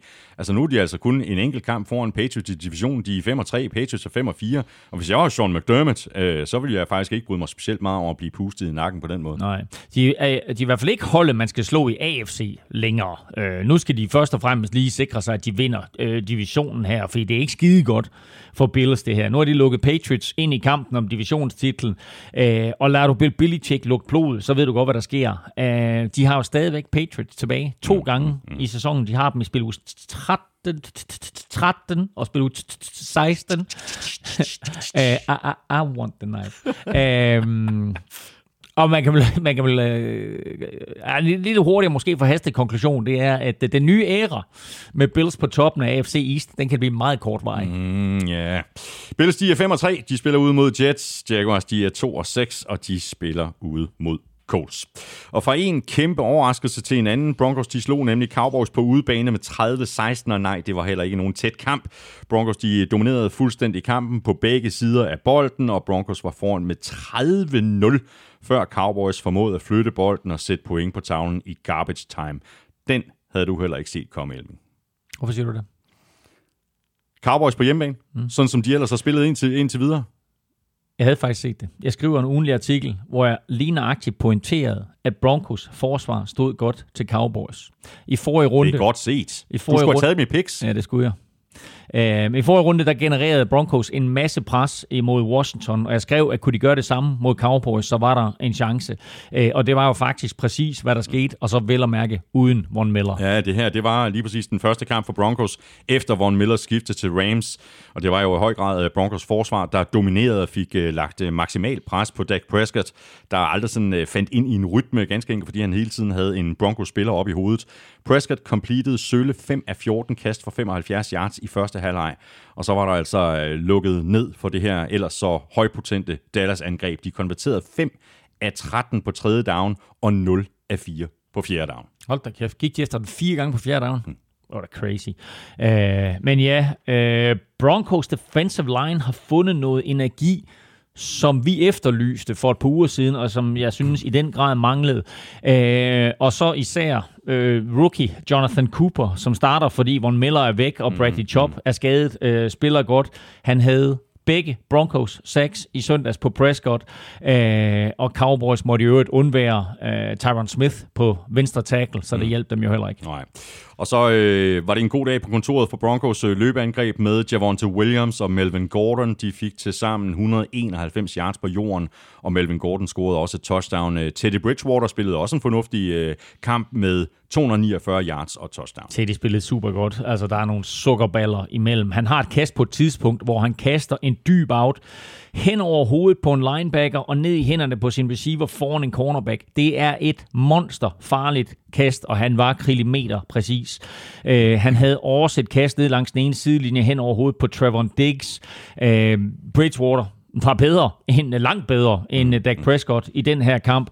Øh, og Javante Williams var den bedste running back på banen øh, og fik for første gang i sin karriere over 100 yards.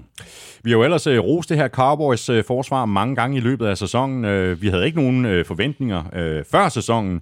Nu lignede forsvaret så mere eller mindre det, som vi havde forventet før sæsonen. Hvad gik der galt? Ah, ah det, det, det synes jeg faktisk ikke er helt sandt. Øh, de var udfordret. Hvilken, hvilken en af delene? At vi ikke havde forventet noget, eller at de var dårlige? At de var dårlige. Altså, øh, Øh, de var udfordret, fordi Cowboys angreb ikke kunne generere noget som helst. Men det er da klart, at 30 point er mange at tillade. Men altså, det står 16-0 ved pausen. Øh, og der holder forsvaret trods alt Cowboys inde i kampen. Mm. De holder også Broncos til blot et field goal i tredje kvartal, på trods af, at, at angrebet jo ingenting producerer. Så altså, det står 19-0 dage efter tre kvartal, det kan du ikke laste forsvaret for. Øh, angrebet holdt jo kollektivt fri i 55 minutter, øh, og så der med fem minutter igen, men så scorede de lige et par touchdowns. Jeg vil faktisk, i stedet for, så vil jeg faktisk rose endnu en gang uh, rookie Micah Parsons, uh, som jo spiller en monsterkamp med to halv sacks og otte taklinger. Uh, Trevor Diggs ser til gengæld ikke så god ud. Uh, han bliver straffet flere gange i løbet af kampen af en meget effektiv til det Bridgewater. Mm. Uh, det her var i øvrigt den syvende kamp i træk til Broncos over Cowboys Cowboys har ikke vundet siden 1995 Er det rigtigt? over Broncos. Ja. Nu mødes de så også kun øh, maksimalt ja, ja. hver fjerde Jo, jo, år, ikke? jo, men jo. alligevel. Ja, var Ja. det syv kampe i træk? Ja, syv kampe. Ja, det er da vanvittigt. Nå, Cowboys de er 6 og 2, de får besøg af Falcons, Broncos de er 5 og 4, og de får besøg af Eagles. Og så har vi jo begge taget Rams i picks. Øh, Rams på hjemmebane mod Titans, der jo skulle forsøge at få et eller andet op at køre uden Derrick Henry. Den troede vi altså ikke rigtig på, sådan øh, for alvor. Det skulle vi have gjort, fordi Titans de vandt nemlig med 28-16, og det gjorde Titans ikke mindst på grund af en helt igennem fænomenal indsats af forsvaret, som vi jo også nominerede til ugens spiller, og vi øh, nominerede hele forsvaret, men øh, fremragende øh, præstationer af spillere som eksempelvis øh, Jeffrey Simmons, Denico Autry, Kevin Byard og Harold Landry, og jeg kunne nærmest blive ved. Ja, og, øh, og det er anden gang på tre uger, Ja. at vi nominerer det her øh, forsvar. Øh, altså en kamp med Aaron Donald på banen, så er det jo vildt nok at sige, at Jeffrey Simmons var den bedste defensive lineman i kampen. Men øh, han har 3-6, lavet konstant ravage øh, på en øh, Rams offensiv linje, som slet ikke kunne håndtere ham øh, og resten af, af, af Titans pass rush. Mm. Vi har jo øh, egentlig øh, talt mest om Titans angreb øh, tidligere på året, altså Tannehill, Derrick Henry og A.J. Brown. Den her præstation af forsvaret gør vel bare, at nu skal vi til at tænke Titans helt op i toppen af favoritfeltet. Altså defense wins championships, mm. og nu stoppede de altså det her højt scorende Rams angreb fra øh, sådan rigtig at producere noget, holdt dem til det laveste pointtal hele sæsonen og tillod først et touchdown, ja, i garbage time. Ja, og du siger det selv ikke, altså defense wins championships, de klarer sig her uden, uh, uden Derrick Henry. Uh, deres træner har, været, har selv været en del af et enkelt eller to gode forsvar mm. gennem sin karriere. Uh, og han så på sit hold sidste år, og det var jo tydeligt, at uh, der manglede noget, noget helt bestemt, nemlig pass rush. Så henter han Dinico Autry hos øh, divisionsrivalen Colts, og Bud Dupree hos Steelers. Øh, sidstnævnte har ikke spillet meget, men til gengæld så har Jeffrey Simmons jo været vild, og Harold Landry lever lige pludselig op ja, til sin status præcis. som første runde pick. Øh, de har spillet ni kampe nu, og Titans har lavet 27-6, eller to mere, end de lavede hele sidste sæson. Og vi er halvvejs. Projekt opgraderer pass rush, ja. fuldført. Ja.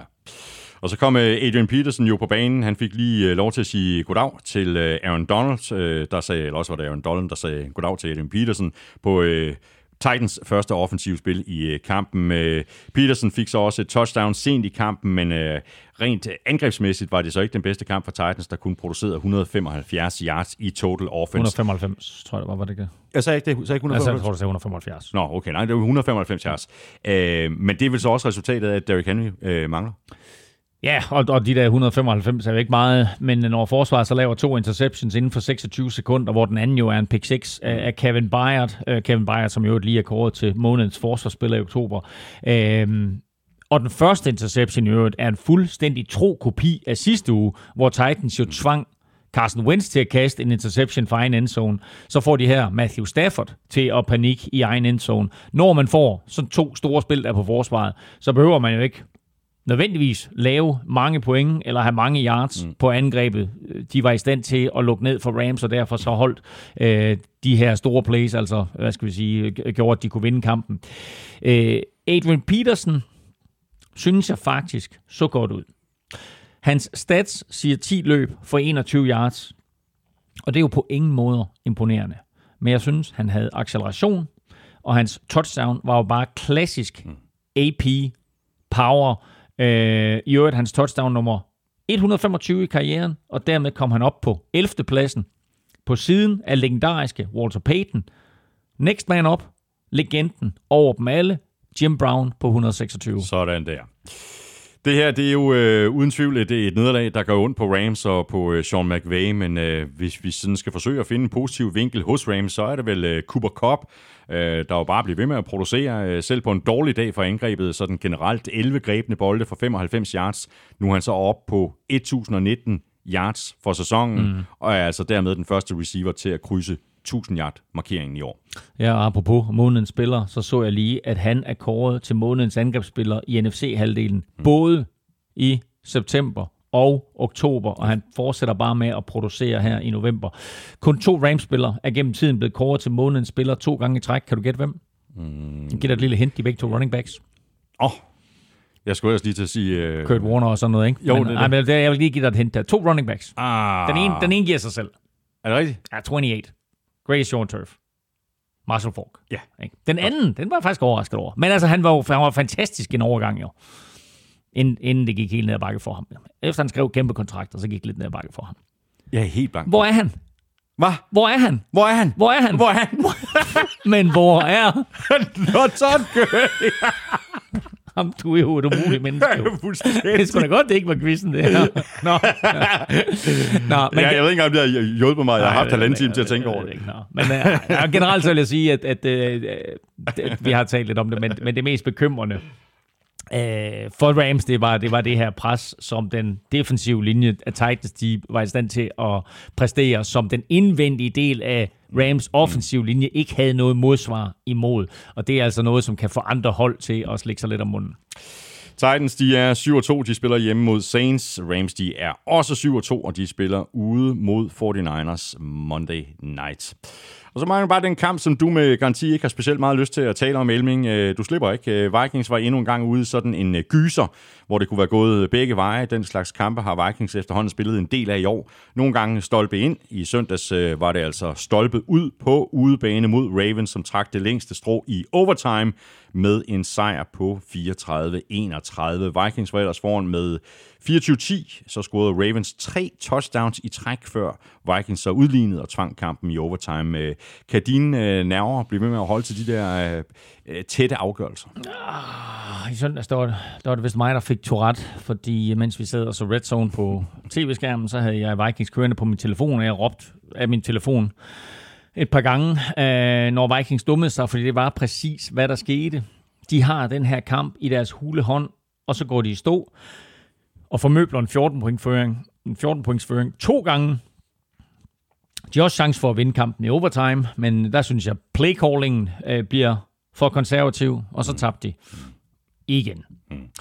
Der er faktisk øh, kommet nogle øh, lytterspørgsmål, den kan vi lige øh, pakke lidt til side og så tage til sidst øh, i, i, i den her kamp. Altså, hvad bliver afgørende? Øh, jeg dykkede lidt ned i nogle stats i går, og, og her finder vi måske en del af forklaringen. Øh, endnu en gang, der havde Vikings problemer på tredje down. 5 af 14 blev konverteret. Vikings fik mm. 13 første downs i hele kampen. Ravens fik 36 ja. første downs. Og det betyder jo, at Vikings forsvar var længere på banen, altså især i anden halvleg. Og så risikerer man jo lige så stille og roligt at løbe tør for benzin til sidste kampen. Ja, og 36 første downs er jo en fuldstændig vanvittig stat. Øh, ligesom, det, øh, ligesom det faktum, at Ravens havde 89 offensive spil. Det er fuldstændig uhørt. 89. Altså de fleste klubber, de har sådan en, en 50-55, eller måske 60-65, hvis bøllerne de går højt. 89 plays. Og 46 minutters time of possession mod Vikings små 24. Så tror jeg pokker, at forsvaret de blev træt. Øh, og så ville det jo hjælpe lidt, hvis angrebet gad at blive på banen bare lidt længere af gangen, sådan sent i kampen. Lamar Jackson, han øh, begyndte jo egentlig ikke den her kamp sådan øh, specielt overbevisende, men det har vi jo øh, set øh, tidligere på sæsonen. Det er til sidst, når det virkelig gælder, at han øh, præsterer, og øh, sådan rigtig bliver irriterende at spille imod. Øh, Lamar completed 27 af 41 for 266 yards, tre touchdowns, to interceptions, og så havde han altså også lige 120 yards på jorden fordelt på 21 løb. Nogle gange er han sådan lidt en enmands her, Lamar mm. Jackson, fordi løbeangrebet sådan mere generelt kom der aldrig sådan rigtig i gang for Ravens. Nej. Øh, de har styr på Ravens løbeangreb, og de har fuldstændig styr på Lamar Jackson, indtil de ikke har. Øh, og ja, han kaster to interceptions, men begge er jo sådan set fuldstændig vanvittige, fantastiske, atletiske øh, defensive plays af Vikings. Altså Anthony Barrs interception i overtime, hvor han slår bolden op til sig selv, og så intercepter den. Det er jo bare vanvittigt flot lavet. Men tager du de to interceptions væk, så er Lamar Jackson jo helt suveræn, og hans stats for, for øh, aftenen der, 266 yards passing med tre touchdowns, og 120 yards rushing burde jo måske også nok have kastet en ugens spiller nominering ja. af sig. Øh, og vi, vi ser det faktisk igen, at han kan få en virkelig dårlig start i kampe. Ja. Og så sker der et eller andet i anden halvleg, og så beslutter han sig for, nu skal vi vinde. Mm, præcis. Og Vikings kom jo øh, flyvende fra start. Øh, Kirk Cousins øh, fandt Justin Jefferson for et 50-yard touchdown på åbningsdrivet. Øh, og på det efterfølgende drive, der scorede Dalvin Cook øh, touchdown på et øh, 66-yard løb. Og så tænkte man lige, hold da op, øh, nu kører det bare for det her angreb. Øh, men så er det jo, og, og du var også inde på det inden, så er det som om, at, at, at tingene går i stå, og, og det lige pludselig bliver svært at flytte bolden. Hvis vi skal forsøge at, at finde en årsag, er det så, at øh, at de scripted plays, øh, som man har planlagt før kampen, simpelthen er brugt op. Altså man kommer med, med, med, med 20 plays, 30 øh, plays, som man siger, jamen ved du det er det her, vi, mm. vi kører.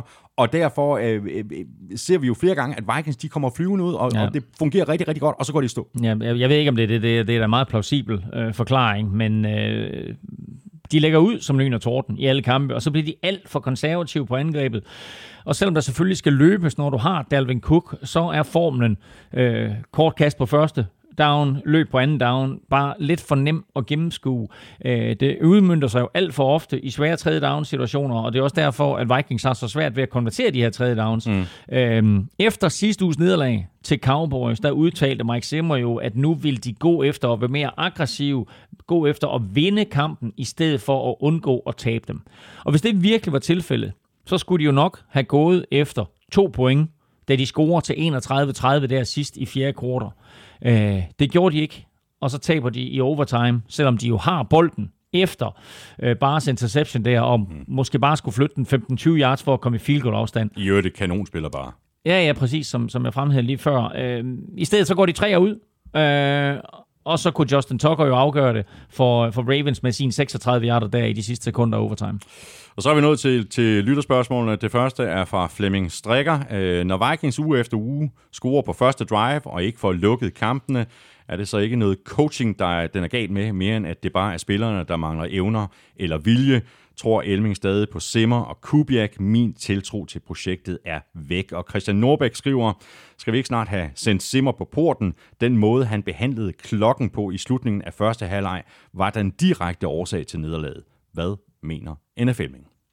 Jeg er enig i alle betragtninger, og nu er det anden uge i træk, at vi har spørgsmål omkring Mike Zimmer og Vikings. Og øh, i sidste uge sagde jeg, at jeg var meget, jeg var meget øh, splittet i, i holdningen til Mike Zimmer, for jeg godt kan lide nogle af de ting, han gør, men jeg kan også godt se, at der er nogle, der er nogle udfordringer hister her. Og det er også fuldstændig korrekt, at den måde, de håndterer klokken på til sidst, er en katastrofe.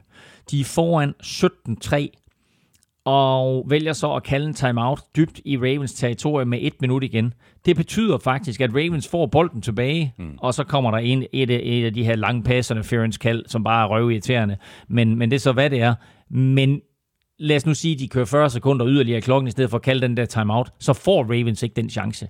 Og det er med til at, at, øh, at, at Ravens kommer tilbage og faktisk tror på, at de går i omklædningsrummet efter første halvleg, ja. at de kan vinde den her kamp. Er de bagud 17-3 der, så tror jeg, der er en større chance for, at Vikings trækker sig sejrsrigt ud. De starter jo anden halvleg med bolden på det kickoff return returnerer deres øh, øh rookie, øh, superspeedsteren Ngwangu der, eller hvad han hedder, øh, bolden hele vejen til touchdown. Så var Vikings foran med 14 igen, men der var skaden ligesom sket. Ravens havde fået smag for, at det her det kunne lade sig gøre.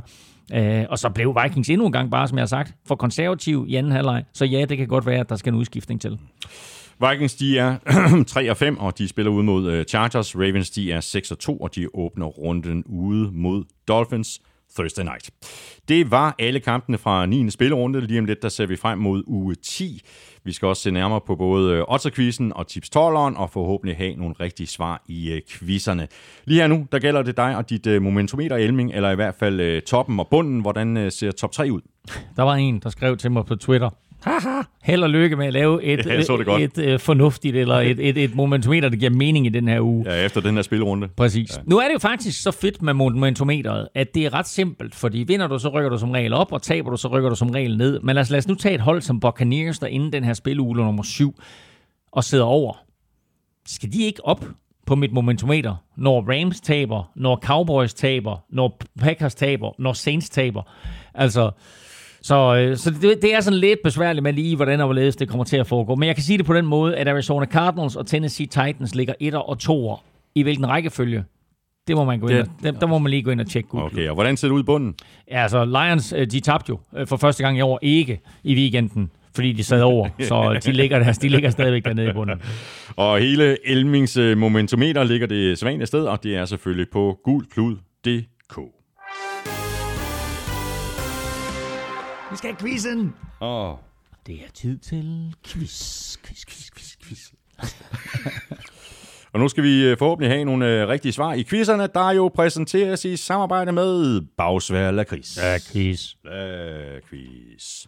Nå, øh, du øh, stillede et øh, AFL-spørgsmål. Øh, Er det dejligt, ikke? Nej, det er nemlig ikke specielt dejligt. Det er mere simpelt, end du tror. Ja, okay. Øh, kan du gentage spørgsmålet? Ja. Også af hensyn til lytterne. Ja.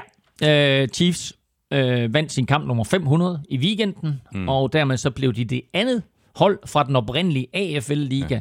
der vandt deres kamp nummer 500. Der var øh, oprindeligt otte hold i den ja. der AFL-liga, som sidenhen blev slået ja. sammen med og hold, NFL. Ja, og holdene, de var? Ja, præcis. øh, men hvem var det første hold, der vandt 500 kampe? Uh, mit bedste bud er Patriots. Ja, det er da også fuldstændig Nå, korrekt. Ikke? Altså, ja, ja. Nå, jamen, altså, svær var den jo heller ikke. Um, Chiefs har 500 sejre nu. Læg mærke til, at Kansas City Chiefs jo startede deres AFL-ophold og, og under et andet navn, nemlig, kan du huske det? Dallas Texans. Mm. Patriots hed jo oprindeligt Boston Patriots, nu er det selvfølgelig New England Patriots. De har 524 sejre, som er det mest vindende hold. Broncos hedder stadigvæk Denver Broncos, og har altid heddet det. 493 sejre. Raiders, Oakland, Los Angeles, Oakland, Las Vegas, kald dem hvad du vil. 486 sejre. Chargers, først i LA, så i San Diego, nu tilbage i LA. 464 sejre. Titans slash Oilers, altså enten Houston Oilers, mm-hmm. Tennessee Oilers, eller nu Tennessee Titans, 458 sejre på trods af den der vanvittige storhedstid i 90'erne med The Cake og alt muligt, så har Buffalo Bills, som altid hed det samme, kun 443 sejre, og naturligvis i bunden med 412 sejre, og dermed det AFL-hold med færrest sejre igennem historien. De tidligere New York Titans, der nu hedder New York Jets. Åh oh, ja, og den historie, den øh, ser bare ud til at fortsætte, ikke? Nå, så var der øh, Amstrup's øh, det quiz. Hvem er den mest sækkede quarterback indtil videre i sæsonen? Jeg har virkelig ingen anelse om det. Um, du sagde, at jeg kunne regne det ud. Altså, jeg ville jo have sagt Patrick Mahomes, men så tænker jeg, når man ikke bliver blitzet så meget, så springer jeg over på ham. Men altså, ja, men det skal du også. Ja, det ham, ham skal du springe over. Nej, okay. Um, den mest sækkede quarterback. Uh, Trevor Lawrence. Øh, nej. Um, det er en eller anden rookie. Just, nej, ikke Justin Fields. Jo, Jo, Just, fuldstændig korrekt. Han er da simpelthen røget i gulvet igen Ah, okay, og igen okay, og igen. okay, ja. Det er Justin Fields. okay. 29 gange er han blevet sækket. Ryan Tannehill er blevet sækket 27 gange. Teddy Bridgewater 26 gange. Mm. Og Joe Burrow 25 gange. De skal Wow. passe bedre på Ja, de Burrow. skal, ja, de skal passe bedre på deres quarterbacks i det hele taget. Det skal de nemlig. Alle holdene.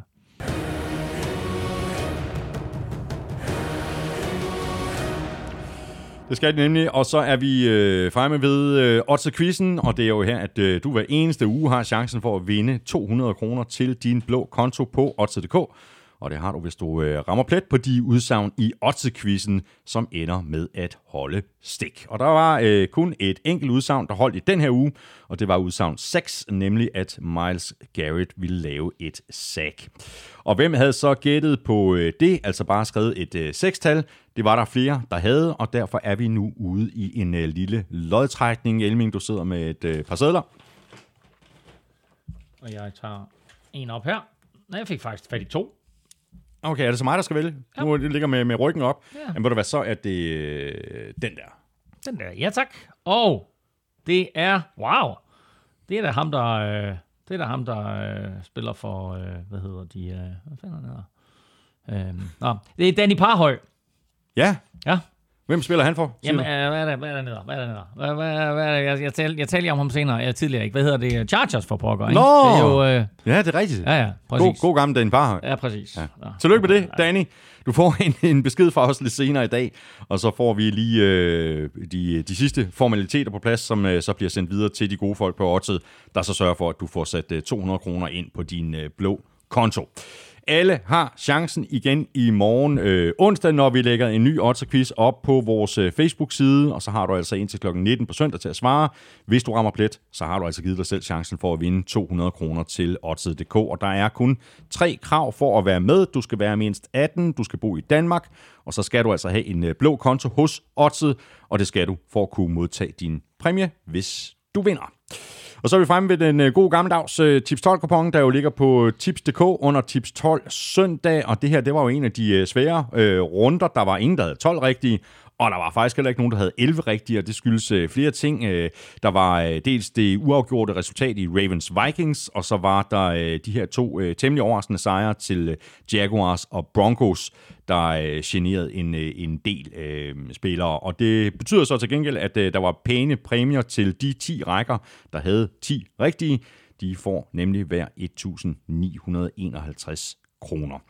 Den nye Tips 12 kupon er allerede oppe på tips.dk under Tips 12 søndag. Der er 100.000 kroner i første præmiepuljen hver eneste uge, og det beløb det deles så mellem de tipper, som har 12 rigtige, og så er der altså også præmier til 11 og 10 rigtige.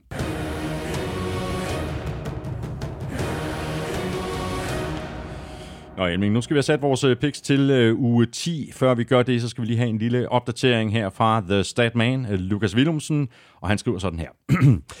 Efter forrige uges øh, blodbad har Claus været på sejrskursus. Her lærte han, hvordan man forsvarer en føring, og han fulgte samtlige læringspunkter til punkt og prikke ved i sidste uge at vælge nøjagtigt de samme hold som Thomas. Det betød naturligvis, at runden endte uafgjort 7-7, og dermed holder Claus fast i føringen, der nu lyder på 82 79. Vi går nu ind øh, til den berygtede 10. spillerunde. Claus' præstation i forrige uge var blandt de fem dårligste nogensinde i showets historie, og de resterende fire jammerlige præstationer på den liste er alle kommet i netop 10. spillerunde. Så har vi ligesom advaret, Elming. Ja, den. Thomas fortsætter sin øh, fornemme stime i Saints kampe, hvor han nu er 0 og 8. Og så blev øh, opgøret mellem Jacks og Bills endestationen for Claus' rekordlange stime med rigtige picks i Jaguars kampe. Rekorden lyder nu på 19 i streg. Og apropos stimer i enkelte holds kampe, så kan det hurtigt blive svært, når man er en øh, anelse farvet. Claus er 4 og 3 i Vikings seneste syv kampe, mens Thomas er 5 og 4 i 49ers seneste 9. Til gengæld så er I super skarpe, når man vender det rundt, for i samme kampe, der er Claus nu 9 og 0 i 49ers kampe, mens Thomas er 7-0 i Vikings kampe. Sådan. Ja. Måske skal du bare til at, at bestemme, hvad jeg skal tage omvendt, øh, når vi kommer til God idé. 49ers og, og, og Vikings. Nå, skal vi til det. Øh, week 10, fire hold er på bye week. Bears, Bengals, Texans og Giants. Dolphins, Ravens. Ravens. Ravens. Jets, Bills. Bills. ja, ja, Bills, helt sikkert. Helt sikkert. Washington, Buccaneers. Buccaneers. Øhm, ja. Box, box. Cowboys, Falcons. Cowboys. Cowboys. Titans, Saints. Saint, øh, Saints, hvad vil jeg sige? Titans. Ja, jeg har også Titans. Colts, Jaguars, Colts. Colts. Steelers, Lions, Steelers. Steelers. Patriots, Browns. Hmm. Patriots har vundet deres seneste tre. Ja. Øhm, og det er i New England. Øh, jeg går med udbaneholdet. Jeg tager Browns. Jeg tager også Browns. Chargers, Vikings.